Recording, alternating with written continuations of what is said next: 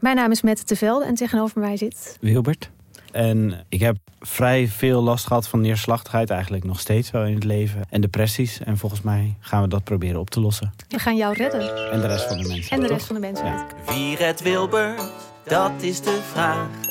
Wie helpt hem bij de kwesties en problemen van vandaag? Luister naar Wie redt Wilbert en de rest van de mensheid. Een podcast van de VPRO voor NPO Luister. Dit is Taylor's Era. Annelot Prins en ik, Sophie Rutte-Frans, vertellen je in deze podcast wekelijks alles wat je moet weten over de allergrootste popster van dit moment, Taylor Swift. We bereiden je voor op de Eras Tour, bellen met Swifties voor live concertverslagen. Doorgronden de roddels en geruchten en proberen het fenomeen Taylor Swift beter te begrijpen. Maar we brengen natuurlijk vooral een ode aan onze favoriete popster. Are you ready for it? Luister nu naar Taylor's Era op Spotify en Podimo. See you there. Mensen, we hebben geld nodig. Want terwijl we onze aflevering over woede maakten, Werd thuis onze voordeur woest ingetrapt door inbrekers. allemaal shit weg natuurlijk. Laptops, harde schijf, paspoorten, powerbanks. Maar het ergste, mijn damn honey ketting. nu kunnen we altijd donateurs gebruiken omdat we graag willen blijven bestaan. Maar nu dus even extra, want ik wil een nieuwe ketting. Ga naar patreon.com slash damnhoney en doneer. Of niet, zelf weten. Hey, hoi, hallo. Je luistert naar Damn Honey.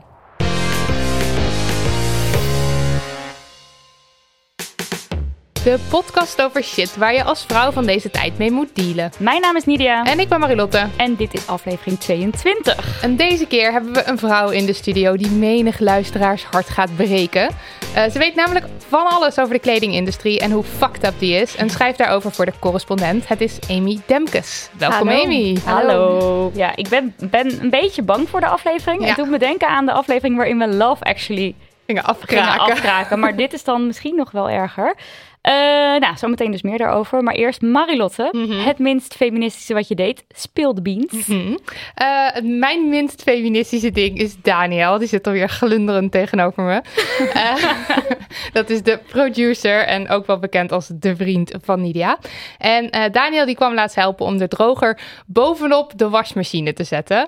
En ik dacht, ik help de jongen even met tillen. Maar nee, dat was niet nodig. Want deze jonge gespierde god met blauwe ogen En donker haar. Zo hop de droger in zijn eentje op alsof hij van karton was en huppelde, wat zeg ik, danste ermee naar de wasmachine. Nou, en nu moet ik dus toegeven dat ik toen niet alleen een beetje verliefd op hem was, maar dat ik ook dacht, ja, dat zal ik dus nooit hebben. Ik zal nooit een man hebben die dat soort shit voor mij kan fixen.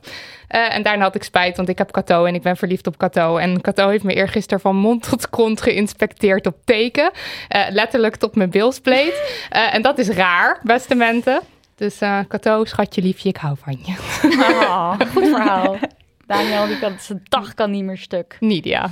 Ja, ik heb ook een verhaal dat over Daniel gaat. Dat weet hij niet. Maar nee, het gaat niet over hem. Maar hij vertelde het aan mij. Hij liep over de Kinkerstraat en toen zag hij dat er een auto geparkeerd was... waarin een vrouw achter het stuur zat. En een man die stond er buiten heel hard te schreeuwen. En wat er precies geschreeuwd werd, was niet helemaal duidelijk. Eh, maar terwijl dit gebeurde, stond er een man op zijn fiets... gewoon een beetje zo te kijken van, hm, wat, wat gebeurt hier? Er was een man van een jaar of 50 met een pak aan. En op een gegeven moment eh, begint die jongen tegen die man te schreeuwen van... wat kijk je nou? En die man die zet heel rustig zijn fiets neer. Hij doet even zo zijn jasje recht. En vervolgens pakt hij die man bij zijn nek en slaat hij hem gewoon een paar keer flink op zijn gezicht. En Dat hier glunderen te het vertellen. leek mij dus ergens wel interessant om daar bij geweest te zijn. Omdat Daniel het omschreef alsof die man die dat deed ontzettend veel stijl had. En hij stapte daarna ook weer, hij deed weer zijn jasje goed. Hij stapte weer op zijn fiets en hij fietste door. Terwijl het natuurlijk één groot toxic masculinity verhaal is. Maar ergens eh, vond ik het wel wat hebben. Een beetje zoals in een film. Ja, eigenlijk. dat Ja. is niet zo feministisch. Dat je denkt, hey, leuk. Vechtpartijen. Ja, en ook zo, het is nooit goed om een stranger te gaan slaan. Wat de situatie ook is. Nee. Oké, Amy, heb je ook een antwoord op de vraag: wat is het minst feministische? Ja, dat heb ik. Ehm, ik moest er wel even over nadenken. Maar het was twee weken geleden, denk ik ongeveer, dat ik eh, bij de kruidvat binnen stond. En ik stond in de rij. Ik had iets van, ehm, van die kleine shampootjes gekocht voor mee op vakantie. Van die handige dingetjes die je gewoon in je koffer mee kan nemen. En er stond een vrouw voor mij en eh, die was een beetje hysterisch aan het doen met allerlei dingen. En ik dacht, jeetje, wat een hysterisch mens. En wat is er nou druk? En ze hield gewoon heel die rijen op. En ik stond daar een beetje geïrriteerd te worden. En eh, toen vloog ze weer de winkel in. Toen kwam ze weer terug. En zag ik op een gegeven moment dat ze dus naar buiten liep met allerlei tampons en Ja, nou ja, ja, maandverbandspullen. En toen had ik achteraf wel een beetje spijt dat ik dacht van ja, iedereen herkent dat wel, dat hij wel een keer ergens is en dat hij vergeet zijn spulletjes mee te nemen. En dat je dan een dag lang, eh, nou ja, een beetje verkropt met eh playpapiertjes of zo in je, in je onderbroek Ja. zit. Sta Dus je ik daar had er- de kruidvat. Ja, ik had er achteraf wel een beetje spijt van dat ik dacht, ja, had ik misschien niet zo eh, Niet zo bevooroordeeld hard moeten zijn. moeten denken daarover. Ja. ja nou, Heel herkenbaar. Ja. Oké, gaan we door naar post. Ja, eh, we hebben twee poststukken. En dit is poststuk nummer één. Ik zal hem even voorlezen. Eh hoi lieverds van Damn Honey. Insert lieve wo- woorden over jullie podcast. Dankjewel. Eh ik zit met een kwestie. Ik ben altijd heel erg voor iedereen moet doen wat hij of zij wil.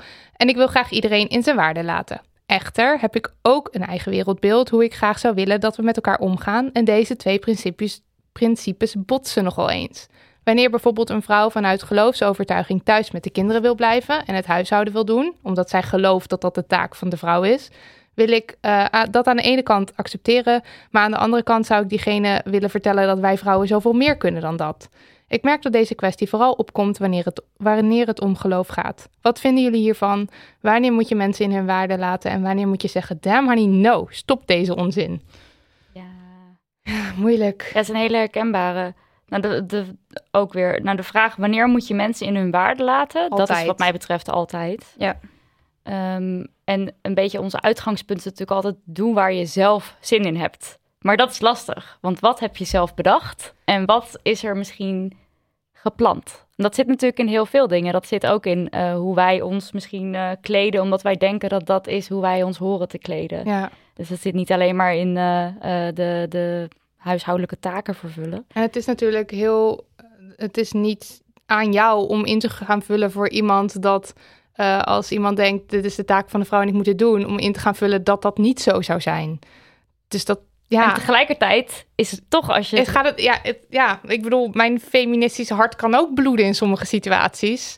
Dat ik denk, ja, ik, dit is niet heel, dit, dit schuurt een beetje met mijn eigen waarde. En Ja. aan de andere kant is het niet zo dat je dan, ja, dat jij daar dan iets over te zeggen hebt. ja, wie Maar zijn wij ja, dan? Ja. Het ligt denk ik ook een beetje aan de manier waarop je het misschien zegt. Je zou er misschien wel iets over kunnen zeggen, maar dan wel op een goede manier, niet belerend. Of bijvoorbeeld als ik bijvoorbeeld kijk naar kleding, vragen mensen wel eens, ja, mag ik dan nooit meer wat bij de H&M kopen of bij de Zara? Ja. Nou, dat zal ik nooit zeggen. Ik ben niet iemand die dan gaat zeggen van dit moet je niet doen en dit mag je wel doen of eh, zus of zo.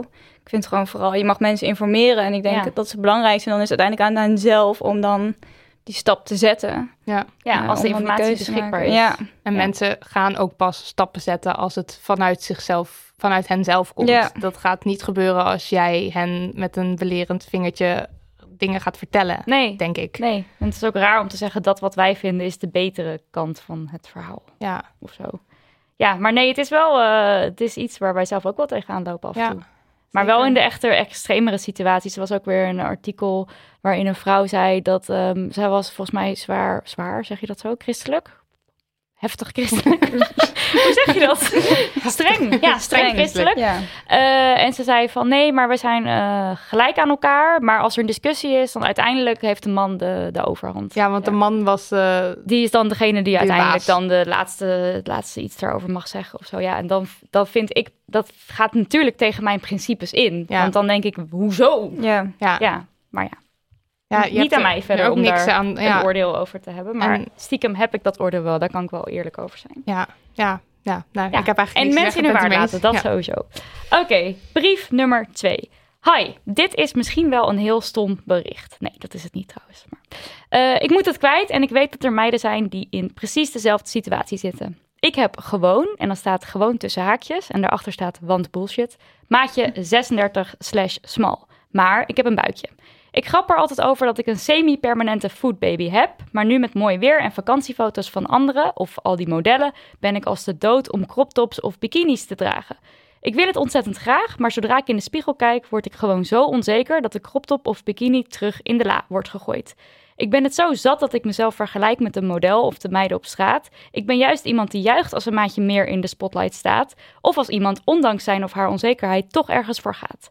Ik voel me laf dat ik dat niet op mezelf kan toepassen. Dat ik zo streng ben. Dat elke andere persoon het zo hard verdient, maar ik niet. Ik wil echt van de food baby fear af.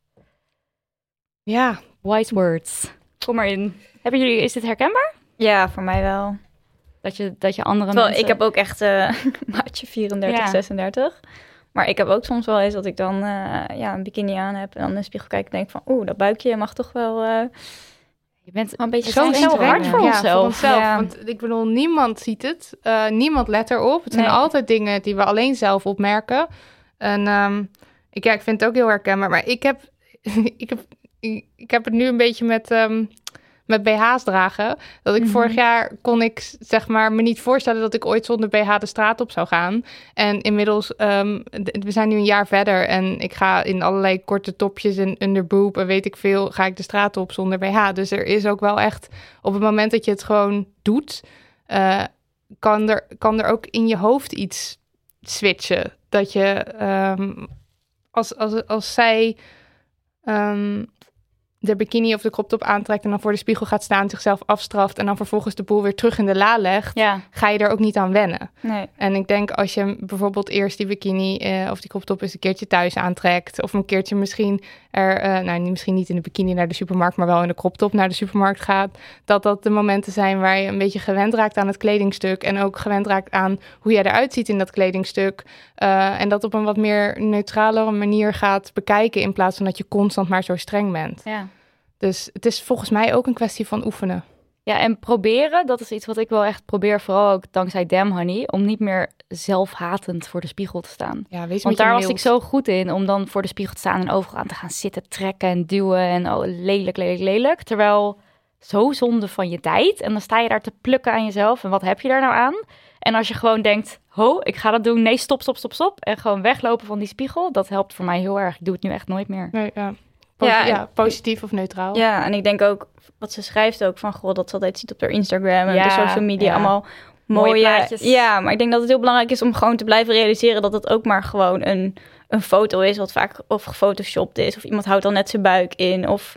of Eindeloos veel foto's gemaakt en dan die ene mooie. Ja, Ja, Dus ik denk dat ook in dat opzicht ook wel weer een grote rol is weggelegd voor allemaal influencers en al die mensen die op social media zetten, die dat perfecte plaatje aan het verkondigen zijn. Ja, maar op. het is ook wel een beetje... Je social media is een van de dingen die je zelf in de hand hebt. Dus je zou ook kunnen zeggen... ik ga nu op zoek naar foto's met mensen in alle soorten, maten, kleuren... Ja. met, zonder handicap, maakt niet uit. Gewoon dat ik echt het hele wereldbeeld hier de hele tijd over mijn timeline ziet dat gaan. zogenaamde... Ja, en ik bedoel, in mijn... Ja. Ik weet dat het een hele oude, uitgekoude tip is... maar in mijn geval, het heeft echt iets veranderd. Gewoon diep in mij, want...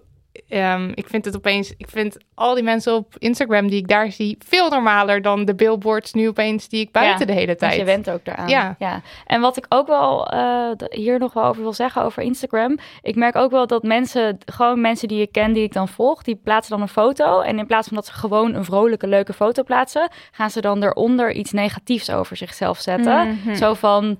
Ja, maar eh, het was wel eh, dat ik net hier raar kijk of zo, weet je wel. Maar ik wil hem toch online. Of net altijd zoiets negatiefs. Als een soort van, ik zie ook wel dat ik niet perfect ben, maar ik wil de foto wel delen. En ik denk dat dat ook wel gevaarlijk ergens is om altijd maar te moeten zeggen over jezelf. Ik ben eigenlijk niet heel knap hier, maar ik wil toch. Daar moeten we mee ophouden. Ja, Ja. Je ben, je, dit is gewoon wie je bent. En je zet gewoon die foto online. En weet je, als jij een leuke tijd hebt, eh, je bent lekker aan het dansen of whatever, wat maakt het uit? eh? ja, je hoeft ook niet inderdaad als je een keertje, een, eh, of als je een keertje, als je een bikinifoto online zet, dat er dan meteen een heel verhaal over self-love en body love en body positivity onder hoeft. Het is gewoon niet nodig. Je hebt gewoon een lijf en dat lijf staat, is nu toevallig gehuld in een bikini en dat is leuk. Ja, want het is, ik denk dat het dus heel lastig is om de hele tijd onder, in mijn ogen, perfecte plaatjes te lezen, dat het dus niet een perfect plaatje is. Ja. Mhm. Want dan denk je, oh, is dit dan ook al niet goed? Het was eigenlijk al best wel een mooie foto. Dus dat helpt ook niet mee, denk ik. Lang verhaal kort. Ehm, Trek gewoon die ja, bikini aan. Trek die crop aan, trek die bikini aan. Love die food baby.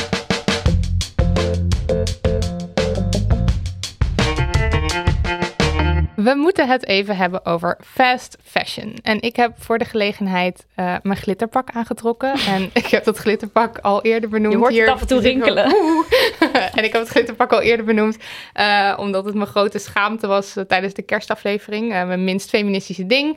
Omdat ik het besteld had via ASOS. En ik heb het natuurlijk niet echt nodig. En het was allemaal helemaal erg. En ik heb zelfs, volgens mij heb ik dat niet eens verteld. Maar ik heb het in vier maten besteld. Waarvan ik er dus drie terug heb gestuurd. Ehm, ja, en nog steeds een beetje hangt dat ding in mijn kast en heb ik pijn in mijn hart. En ik vond het net ook al heel erg eh, toen Amy binnenkwam. Moet je toch even vertellen waarom je dat ding vertel aan het hebt? meteen, want dan hebben we het maar gehad. maar ja, dus daarom hebben we Amy hier, die dus mij waarschijnlijk nu kan vertellen hoe slecht dit is. Ja. Oké, zullen we dan maar? ja, laten we maar gewoon beginnen. Ja, wij, wij houden dus echt ontzettend van kleding. Ja, en ook crazy kleding. Maar- opvallend. In my defense, ik ben wel lang met het onderwerp bezig. Ja. En ik wilde deze aflevering ook al heel lang, omdat ik heel graag wil dat meer mensen weten wat er gaande is. Maar ik denk wel dat jij nog even net wat meer stappen weet over wat er gaande is. En meer cijfers, ja. ja. Laten we even helemaal beginnen met het begin van jouw ehm, fast fashion of fair fashion. Ik weet niet welke van de twee noem je lief- liever. Nou ja, natuurlijk fair fashion. Ja, de fair fashion Maar meestal- start van je Meestal verhaal. gaat het bij mij over fast fashion. Ja. Als, het, als ik er... Eh, ja, waar het ooit begon. ehm, helemaal aan het begin. Laat ik zeggen dat ik... Ik ben ook altijd een liefhebber van mode geweest. Laat dat Mhm. duidelijk zijn. Ik kocht altijd... Nou ja, toen ik een jaar of eh 12, 14 hoe oud is het... dat je dan voor het eerst zakgeld... Ja, Ja. kleedgeld krijgt, hè. Eh, nou ja, ik ging gewoon bijna elke week wel naar de stad met vriendinnen. Dat was gewoon je hobby. Zo schreef ik dat ook altijd in... eh, Ja. ja, dat was gewoon een van mijn hobby's. Gewoon kleding shoppen, winkelen met vriendinnen. Eh, dus dat gingen we dan nou ja, minstens wel elke maand dat ik wel wat nieuws kocht. En Ja. dan vaak bij de H&M, Primark, Zara was ook wel een van mijn favorieten. Mango, Lady Sting, nou ja, noem maar op. Jullie kennen ze alvast allemaal Ja, wel. natuurlijk, ja. Ehm, en ik hield eigenlijk zoveel mode dat ik eigenlijk graag wel iets met eh modejournalistiek wilde gaan doen. Dus ik ben toen in 2012 journalistiek gaan studeren aan de hogeschool in, eh, in Tilburg. En nou ja, met het idee dus, nou ja, als ik hier ben afgestudeerd, wil ik eigenlijk het liefst gewoon bij een tijdschrift als de Elle of de Vogue of Harper's Bazaar gaan, eh, gaan werken. Ehm, en toen eigenlijk een jaar nadat ik was begonnen met mijn studie daar, in 2013 was dat, toen stortte in Bangladesh de enorme ja. fabriek, gebouw eigenlijk, eh, Rana Plaza in. Mhm. Eh, en daarbij kwamen meer dan 1100 mensen om het leven. En in de dagen daarna werden er allerlei labeltjes gevonden tussen puin. Je kon ook dit allemaal, eh, allemaal op televisie gezien op het nieuws. was echt eh, wereldwijd, het was gewoon eh, Ja. groot nieuws. Ehm, en daar stonden op die labeltjes stonden merken als Mango, eh, Primark. Ja. Nou ja, allemaal merken, winkels waarbij ik dus ook mijn kleding kocht. En dat was eigenlijk voor mij het eerste moment waarop ik eigenlijk echt inzag van wow, die goedkope kleding heeft echt een keerzijde. ja. Ehm, en niet veel later kwam dat jaar ook het nieuws naar buiten. Of zag ik een filmpje op mijn Facebook-timeline van die rechtorganisatie PITA. En op dat filmpje was te zien hoe ze in China levend konijnen Oh, eigenlijk ja. Oh ja, dat heb ik ook gezien. Ja, er zijn... nou ja, echt verschrikkelijk. Je Ja. zag gewoon, ze werden echt onder luid gekrijs en eh, niet verdoofd. En die haren die werden dan vervolgens verwerkt in, eh, in kledingstukken. Onder andere van H&M. En ik had echt, nou, ik denk een paar weken daarvoor bij H&M net een paar echt super zachte vestjes gekocht. Oh god. Omdat je dan denkt, oké, Ja, dus ik die in mijn konijnen in. Ja, ik in mijn kast kijken, want je kan natuurlijk kijken in het labeltje. En daar stond inderdaad in Angora wol, zo heten die konijnen, Angora konijnen. En toen was ik echt, echt, dat was voor mij echt shocking. Ik ben ook zo naïef, hè? Want ik denk dus de hele tijd, oh, angora wol, klinkt leuk. En ook met dat zijde, Dat dat, komt natuurlijk van ja. rupsen. En dan Ja. denk ik, oh, leuk zijde, dat is niet erg, want het is zijde. gekookt. Oh my god, ja. Ja, zie je, dat- dit soort dingen weet ik zeggen, dus Er niet. is iets met die rupsen, maar ja, oké. Ja, Oh. oké, dit is al, we gaan nu al een stapje verder. Maar oké, dat veranderde al enigszins jouw kijk op eh, de dingen. totaal. En toen, ik dacht gewoon meteen, ja, ik wil hier niet aan bijdragen. Want door, doordat ik bij die merken koop en zo, dan draag ik gewoon bij aan dit soort leed. En Ja. Ik wil niet, ik, ik vond het ook helemaal niet meer fijn om die vestjes te dragen. Ehm, dus toen dacht ik, ik wil gewoon weten hoe het zit. Maar dat, dat was best wel lastig. Mhm. En toen, eh, omdat ik het wel kon, een beetje kon combineren met mijn studie, dacht ik, nou, dan begin ik een blog daarover. Kan ik er mooi ook over schrijven. Eh, had ik toch mijn modeding gevonden, maar dan toch met een wat andere insteek. Ja. Ehm, en ben ik gewoon gaan uitzoeken van, goh, hoe zit het nou eigenlijk met H&M? Weet je wel, hoe duurzaam is het nou eigenlijk? En waar kan ik dan wel mijn kleding eh, met een goed gevoel kopen? En zo ben ik eigenlijk begonnen. Ja. En eh, uiteindelijk gewoon, ja, eigenlijk door heel mijn studie heen gewoon het onderwerp vastgehouden. En uiteindelijk eh, als freelancer gaan werken in 2013 Drie jaar geleden ben ik afgestudeerd. Hm. Ehm, en daarna ben ik bij, onder andere bij Warmworld heb ik gewerkt. Een tijdschrift en een online, online platform. En nu voor de correspondent schrijf Ja. ik erover. Correspondent kleren. Ja, Ja, we hebben natuurlijk al heel veel gelezen ehm, ter, ter voorbereiding. Laten we beginnen met wat zijn de, de main dingen waarop de kledingindustrie schadelijk is voor de wereld? Dus je hebt net al dierenleed genoemd, maar Ja. nou ja, er is meer. Er is je hebt net ook al het instorten van de Rana Plaza ja genoemd. de arbeidsomstandigheden zijn natuurlijk eh, vaak ook heel, ja, vaak heel slecht in veel fabrieken.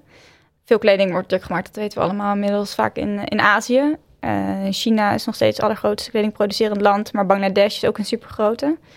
Ehm en Bangladesh zie je dat er gewoon heel veel problemen zijn, ook met veiligheid van fabrieken, want de industrie is daar gewoon echt enorm snel gegroeid. Eh, vroeger was in Nederland was bijvoorbeeld een heel belangrijk kledingproducerend land. Dat gold ook voor Engeland, voor Amerika ook veel kleding geproduceerd. Nou ja, totdat met globalisering En Hoe lang geleden hebben we het dan over? Dat we nog niet eens zo heel lang geleden. In rond 1960 of zo was er nog best wel wat, wat kledingproductie gewoon in het Westen. Oh, ik heb hier trouwens ook laatst een podcast over gehoord dat, dat, dat er in eh, eh, kloosters en dat de kinderen dat moesten doen. Ja, hier, in- Dat hier in ook Nederland had heel je naar ja, verhaal. ook niet goed. Nee, dat was ook echt niet goed. En die, eh, die meisjes die hebben nog altijd daar. eh, last van. ja, en ook dat er no- nooit geloof ik echt schuld eh, bekend is. Mm. Dat hoorde ik in de Vandaag podcast bij NRC. ja, zal hem in de show notes Ah, Ja, dus het is hier ook niet altijd eh, de top geweest. Zeker niet. Nee, hier in Nederland, eh, of tenminste hier gewoon in het Westen, eigenlijk alle problemen die je nu ook in Azië ziet, die waren hier Waren ook hier gewoon. ook al. Ja. Ja, dus dan heb je het ook over kinderarbeid inderdaad. Dat is eh, nog steeds een hardnekkig probleem. Mhm. Komt veel voor in Myanmar ook in de kledingindustrie. Maar ook in Bangladesh nog steeds. Turkije, daar heb je ook een probleem met Syrische vluchtelingen. Die daar zijn, terecht zijn gekomen en eigenlijk geen kant meer op kunnen. Ja. Eh, dus die daar nu eigenlijk als illegale daar in de, in de industrie werken. En die Ook kunnen ook niet voor zichzelf opkomen, want als ze dat zouden proberen, dan worden ze wordt het land uitgestuurd. Ja, dus je ziet, je ziet dat ook best vaak hoor. Dat in eh, veel kledingproducerende landen migranten en zo vaak eh, toch wel aan die fabrieken werken. Die, eh, die vaak extra... Ja. en ik las dat dit zelfs in LA en in, eh, in Engeland ook Engeland gewoon ook. gebeurt. Ja. Ja. Waar, want dat zijn dan mensen die naar, eh, naar Amerika of naar Engeland zijn gekomen, gevlucht. ja voor een deel. en die ja, daar illegaal zijn. ook dan, migranten voor een groot deel, ja. En dan niet eh, vergunningen hebben of, eh, of een paspoort of zo om daar te werken. En dan. Ja, in de informele sector terechtkomen. Dus Ja. gewoon. En die, die, kunnen, die weten vaak al niet inderdaad in eerste instantie wat hun rechten zijn. En die durven er ook nog niet eens. Ja, Uit angst weer uit Ja, omdat ze bang worden. zijn dat ze inderdaad eh, eruit Ja. worden gezet. Ja. Ehm, maar naast kinderarbeid en nou, je hebt bijvoorbeeld ook in de, in de kledingindustrie werken voornamelijk heel veel vrouwen. Eh, je ziet ook dat seksuele intimidatie Mm. eh, en seksueel geweld heel groot probleem is in fabrieken. Er zijn wat minder dingen over bekend, omdat het gewoon een heel moeilijk ding is om dat te constateren en te onderzoeken. Ehm, maar het is gewoon een ontzettend groot probleem ook, omdat je ziet dat vaak degene op de werkvloer zijn altijd de vrouwen. Dus dat zijn de vrouwen achter de naaimachines. Terwijl vaak de fabriekseigenaren zijn eigenlijk 90% altijd mannen. En ook de toezichthouders op de fabrieksvloeren zijn ook vaak mannen. En omdat er zoveel druk ook in die keten zit, omdat veel merken tegenwoordig alleen maar snel willen. Vandaar ook die naam fast fashion. Mhm. Eh, we willen tegenwoordig gewoon heel snel de nieuwste trends hier hebben. En dat heeft gewoon enorme impact daar, want die vrouwen moeten deadlines halen. En Ja. nou ja, die moeten Het is het plaatje wat je op. Instagram ziet van eh, Kim Kardashian die iets cools heeft. Dat wil je dan eigenlijk binnen drie weken in Ja. de winkel hebben liggen. Ja, dat is nu eigenlijk het grootste, ja, het grootste ding waar merken over concurreren. Ja, En Zara wordt ook wel de uitvinder van de fast fashion genoemd. Want zij waren eigenlijk de allereerste die zo super snel... zij kunnen dan binnen vier weken of zo van tekentafel eh, tot kledingrek... ja. Eh, iets, iets in de winkel hebben. Maar het trends kan die nu- net op de catwalk zijn geweest. Het kan nu nog sneller. Dat Ja. ik eh, dat eh, online. ja, zo, waar we het net over hadden, die, die merken die dus in Engeland en Amerika produceren... die kunnen dus nu nog sneller. En, dat, en hoe snel moet je dan denken? Twee weken. Dat is gewoon van twee weken van tekentafel tot in de winkels. Of tenminste tot bestellen. Ja, Want dan tot het niet bestellen. in nee, winkels. dit zijn allemaal online retailers. Ja. Ja. Ja.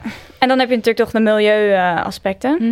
Ehm, nou ja, we kopen gewoon echt...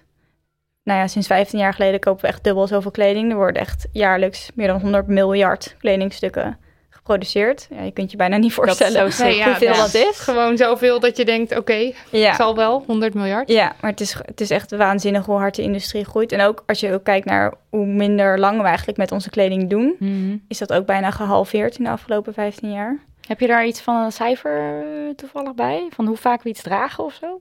Eh, ja, eh, toevallig heb ik daar voor het laatst, ben, of ben ik daar nu een artikel ook over aan het schrijven. Volgens mij ligt in Nederland de gemiddelde actieve levensduur van een kledingstuk is ongeveer 4,4 jaar. Hm. Dus dat is actief dat we het eigenlijk dragen. Ja, Ze hebben dat dan ook in aantallen omgezet, maar die weet ik niet zo in mijn hoofd. nou, maakt er niet zo uit hoor. Maar... Nee, maar dat is best wel schrikbarend laag. Ja, Zeker omdat als je bedenkt dat vroeger, eh, nou ja, misschien ken je het wel, verhalen van je moeder of van je oma, die gewoon. eh, Sokken stopte en dan... maar Ja. kleding ja. doorgegeven. ja, kleding Dus doorgeven. Ja, generatie. dus dat ging Ja. gewoon door heel de familie heen en dat werd gewoon bijna opgedragen. Nou, nu is het.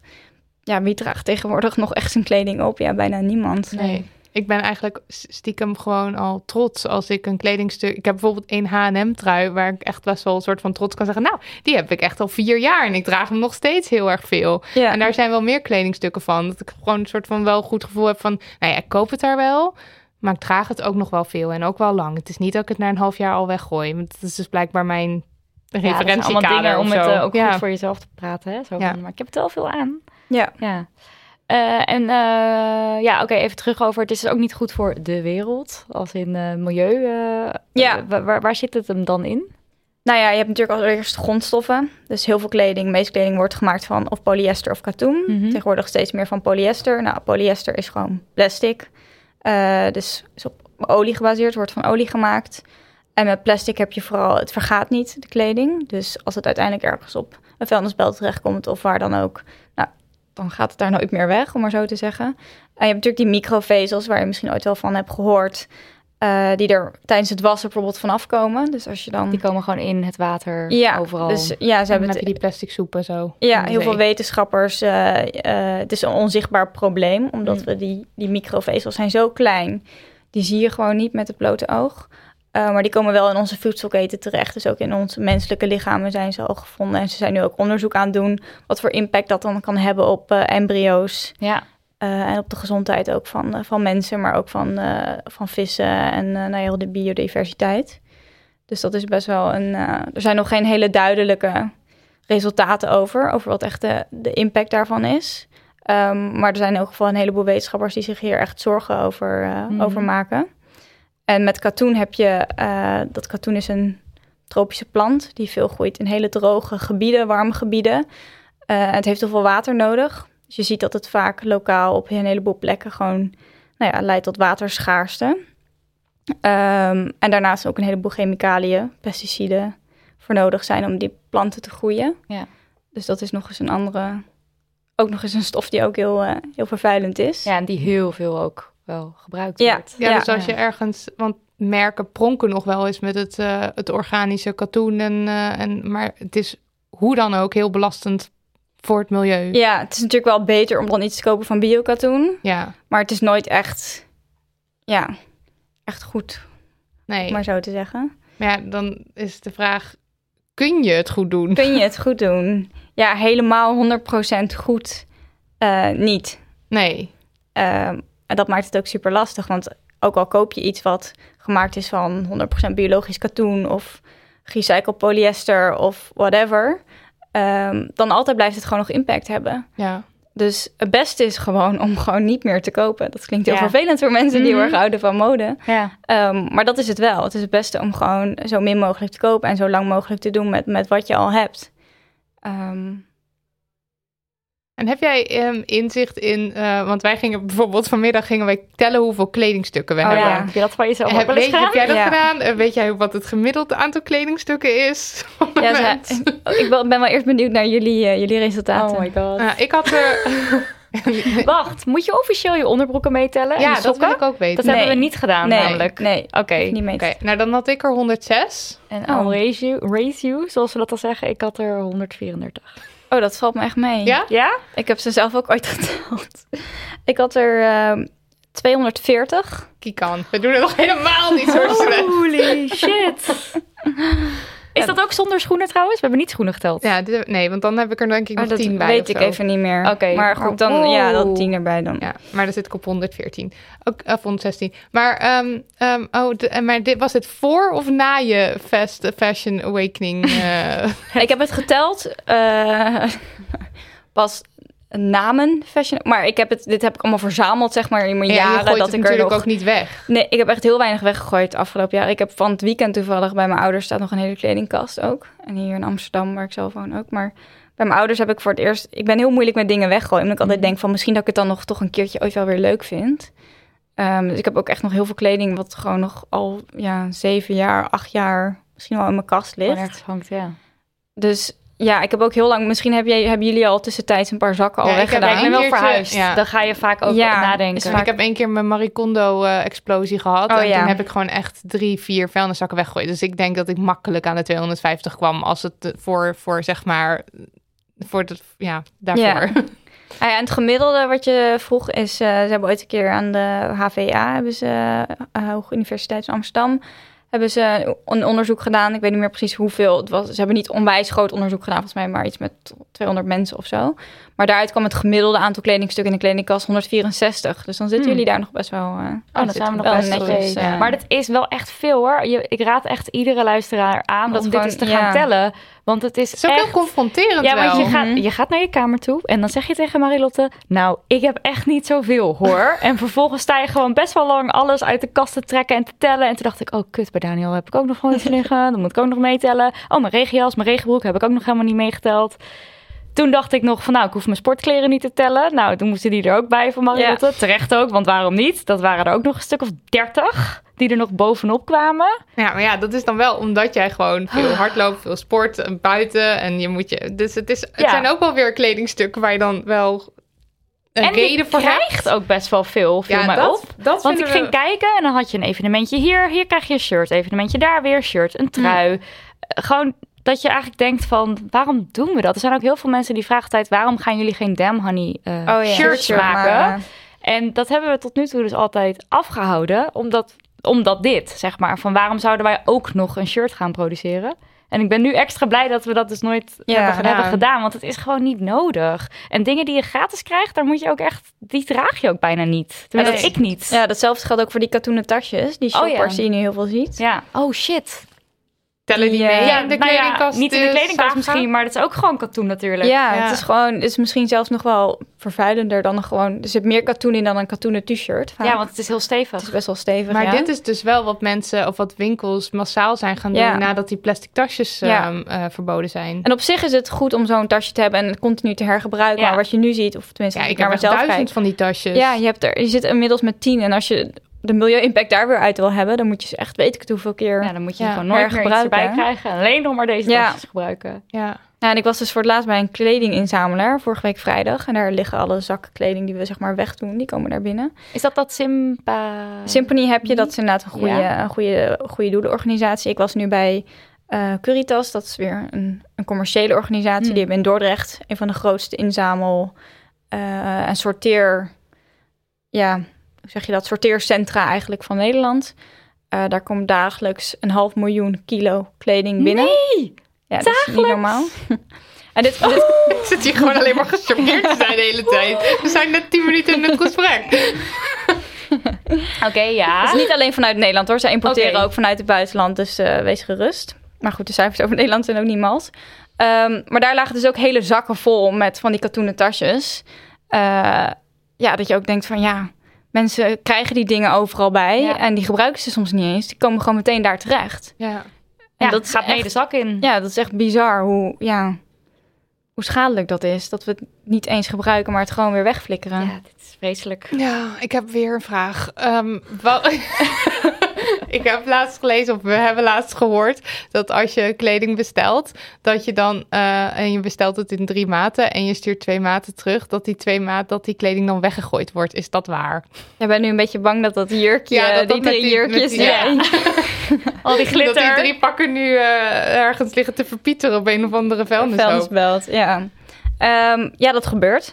Ik zal zeker niet zeggen dat het altijd gebeurt als je iets terugstuurt. Ik weet ook niet hoe groot gedeelte daarvan echt meteen wordt, wordt vernietigd. Eh, maar dat gebeurt zeker. En dat geldt hetzelfde ook voor, ik weet niet, eh, vorig jaar was het of twee jaar. Oh nee, vorig jaar was het ook in het nieuws dat eh, Burberry voor weet ik het hoeveel ja. miljoen dollar of pond aan, aan kleding en spullen had verbrand. Gewoon nieuw. nieuwe, nieuwe kleding. Ja, om de waarde hoog te houden. Ja, toch? omdat je ziet vooral bij die wat duurdere merken, die hebben een bepaalde merknaam om hoog te houden. Dus als ze dan bijvoorbeeld of kleding maken wat dan toch niet zo'n goede pasvorm blijkt te hebben, dan gaan ze natuurlijk niet op de markt brengen, want dan gaat hun marktwaarde omlaag. Want mensen verwachten wel een goed product van hun. Eh, of ze zijn bang dat het op een zwarte markt of zo belandt, of dat het voor veel goedkoper weggaat.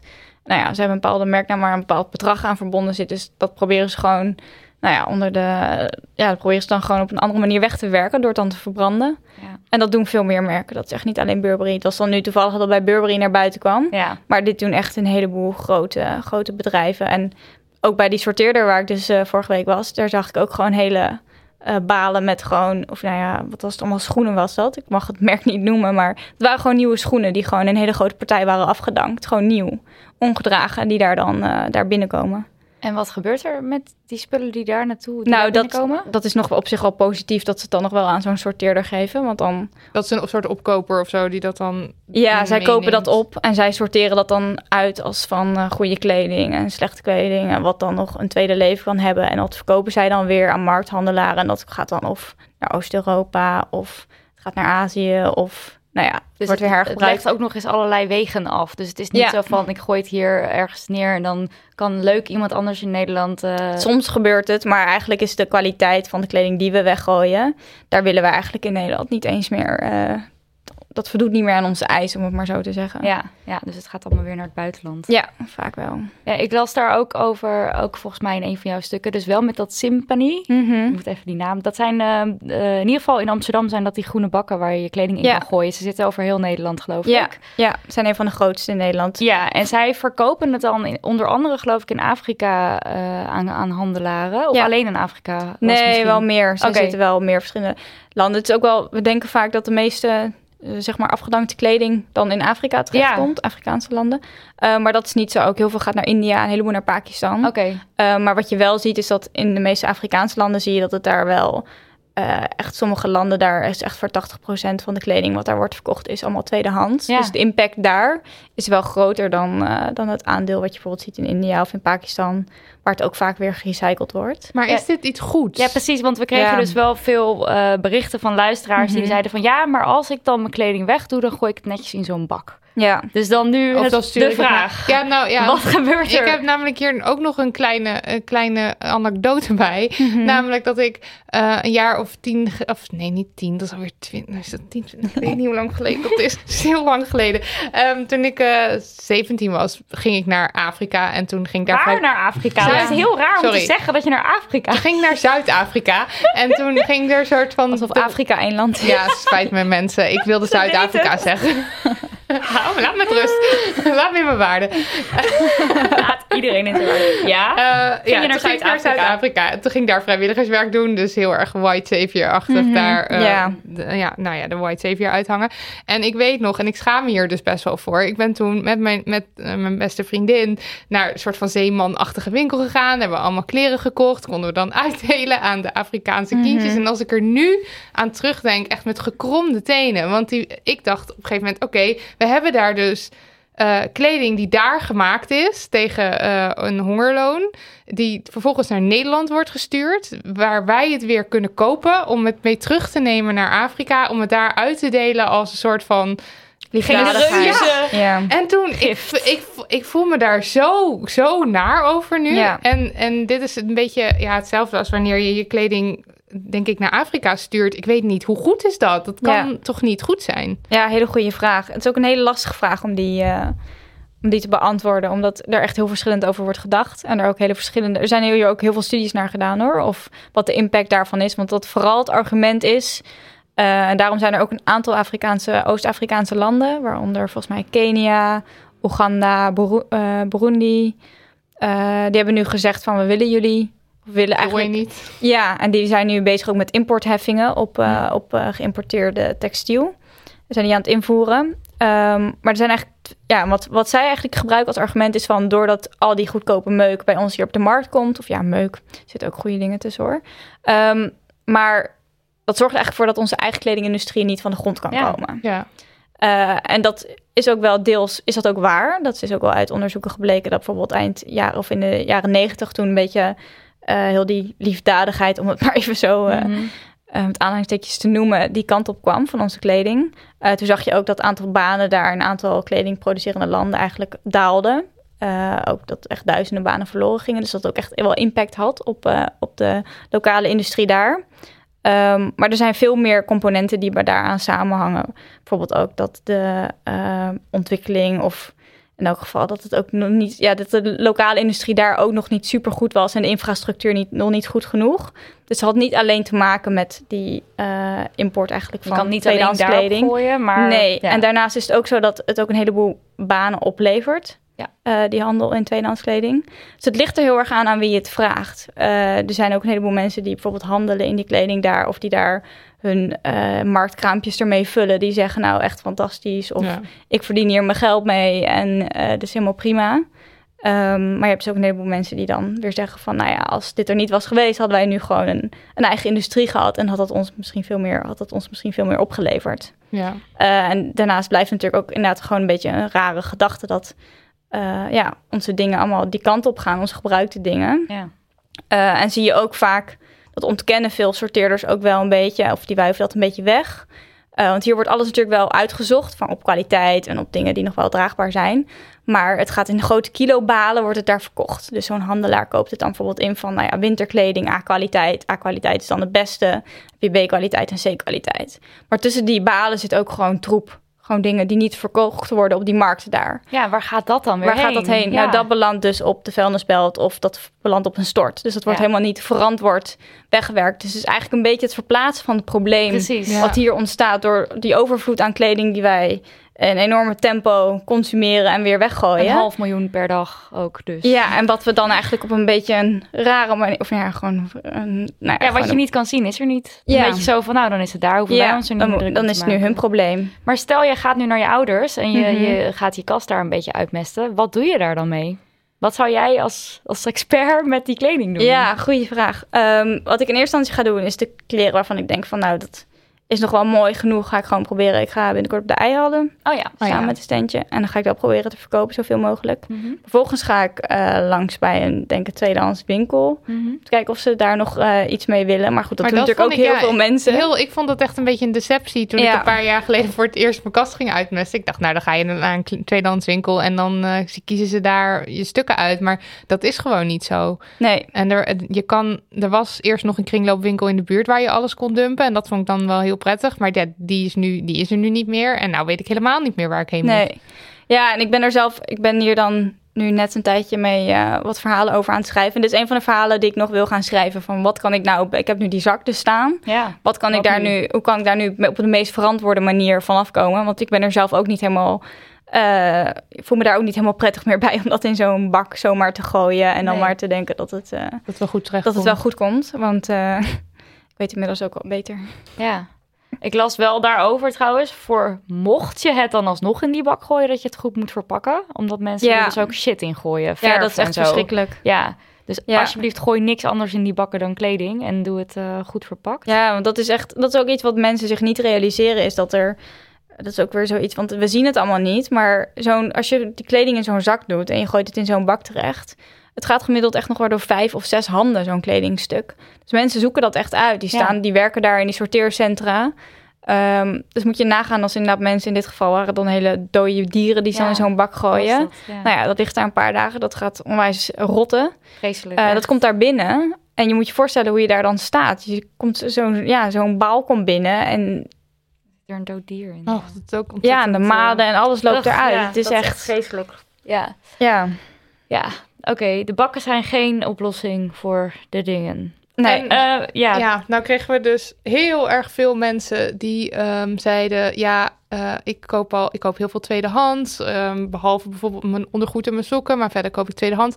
Nu vraag ik me af: eh, dat is heel goed natuurlijk dat je bewust koopt. Maar is tweedehands kleding zaligmakend? Is dat Is het de is het- oplossing? Is het de oplossing of niet? De oplossing, dat weet ik niet. Maar het- ik zeg altijd wel als mensen vragen... Goh, hoe kan ik dan beter doen? Zeg ik vaak, nou ja, koop tweedehands. Eh, want het idee is natuurlijk... Nou ja, je koopt iets wat, al, wat eigenlijk al afgedankt is. Dus dan kan je het eigenlijk nog een soort van tweede leven geven. Ehm, en daarmee, als je bijvoorbeeld iets koopt wat tweedehands... in plaats van dat je iets nieuws koopt... bespaar je ook weer nieuwe grondstoffen. En Mhm. nou ja, al die dingen waarvan ik net opnoemde... dat ze allemaal vervuilend waren... die hoeven dan niet nog een keer... eh, eh, geproduceerd, op die manier geproduceerd te worden. Ehm, maar wat ik ook wel merk is, en daarom denk ik dat deze vraag wordt gesteld, dat sommige mensen het ook gebruiken als een soort van argument om dan maar heel veel te blijven consumeren. Ja. Ehm, en nog altijd niet echt heel kritisch na te hoeven denken over wat ze dan kopen. Dus het eigenlijk een soort van uit de weg proberen te gaan. Dus dat hoor je ook wel dat mensen dan niet eh, nieuwe kleding willen kopen bij een Zara of bij een H&M, maar dan wel in de tweedehands winkel eh, een Zara shirtje kopen of een H&M shirtje. Eh, ja, en over de arbeidsomstandigheden zijn dan alsnog hetzelfde geweest. Ja. Uh, dus eigenlijk ook een, ja, een soort van, niet altijd, maar soms merk je wel alsof het ook een soort van manier is om dan maar weg te kijken. Ja. Uh, en in dat geval denk ik van, ja, consumeren blijft consumeren. En um, ook als je het hebt over die handel en tweedehands kleding, dat gaat ook heel de wereld over. Ja, dat wordt ook um, gewoon een enorme balen van de ene land naar het andere land. En ja, partijen opgekocht. Ja, het komt vanuit Amerika en dat gaat weer vanuit Nederland en dan gaat weer naar Duitsland. En als daar niet verkocht wordt, gaat het weer. Weet je, dus dat vliegt ook, of nee, vliegt niet, maar dat wordt ook heel de wereld over verscheept. Ja. Um, al denk ik alsnog dat het daarbij in het niet valt. Als je puur kijkt naar het verschil tussen nieuwe kleding en nieuwe grondstoffen. Um, dus ja, ik denk uiteindelijk dat tweedehands kleding wel een betere optie is. Maar dat je alsnog wel gewoon kritisch moet blijven kijken naar je wat eigen. Je koopt. Ja, wat je koopt. Um, ja, ja het, het, probleem is natuurlijk dat we zo gewend zijn met z'n allen aan spullen kopen, kopen, Ja. kopen, kopen. We hadden ook een luisteraar die stuurde in van... uh, ja, vroeger ging je gewoon... Twee, ging zij twee keer in het jaar met haar ouders naar de Mhm. stad om Ja. te shoppen. En uh, hoe, ze, zou, ze zei van, ik zou dat zo graag nog steeds eigenlijk wel willen... maar mijn, die, die koopzucht, dat neemt gewoon eigenlijk je... je je daadwerkelijke behoeftes neemt het over. Want je gaat veel meer kopen dan je wil. Gewoon Ja. puur kopen, kopen, kopen.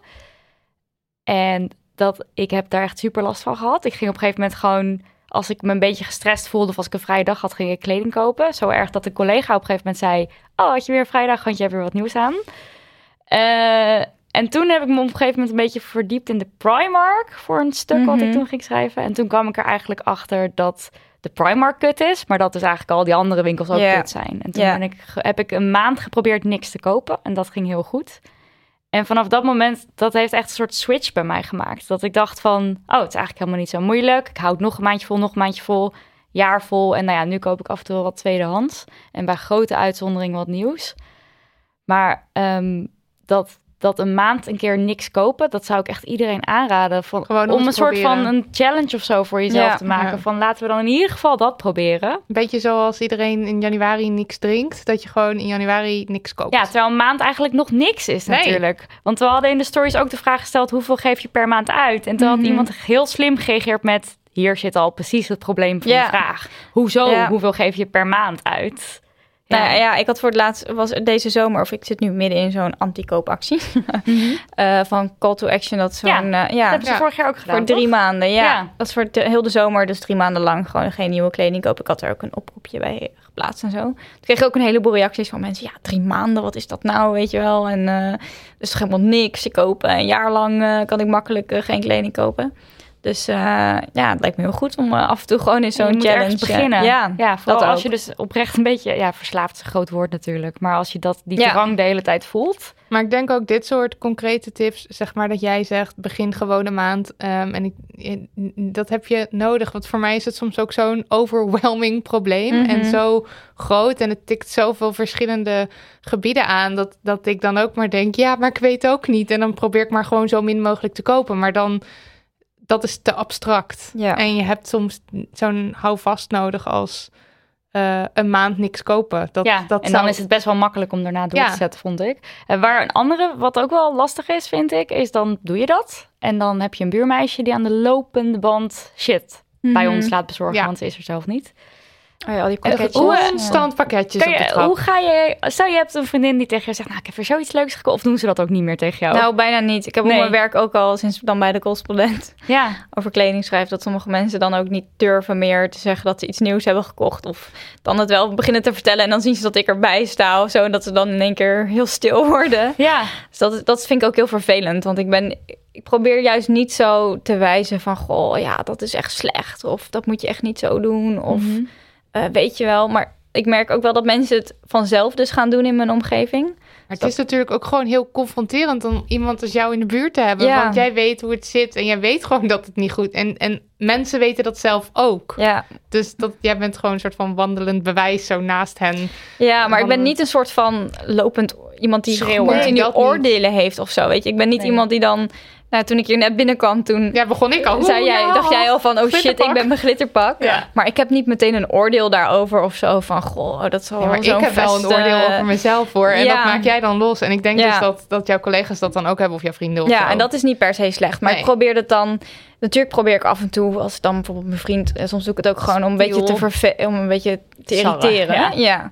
Ehm, maar ik vraag het wel eens van, goh, weet je dan of het dan wel goed is of zo? Of, eh, Maar het is ook wel los van. eh, ik word er ook wel gewoon een beetje boos van. Maar het is ook heel erg ehm, demotiverend. Dat je denkt van nou, en ik heb met heel veel moeite die jurk laten hangen. En ik ben nog teruggegaan, maar ik heb hem toch niet gekocht. En ik ben super goed bezig. ja. En dan kom je thuis en dan staan er zo drie dozen opgestapeld. Dat en dan denk je, waar doe je het wat voor? maakt dit dan eigenlijk nog Ja. uit? Ja.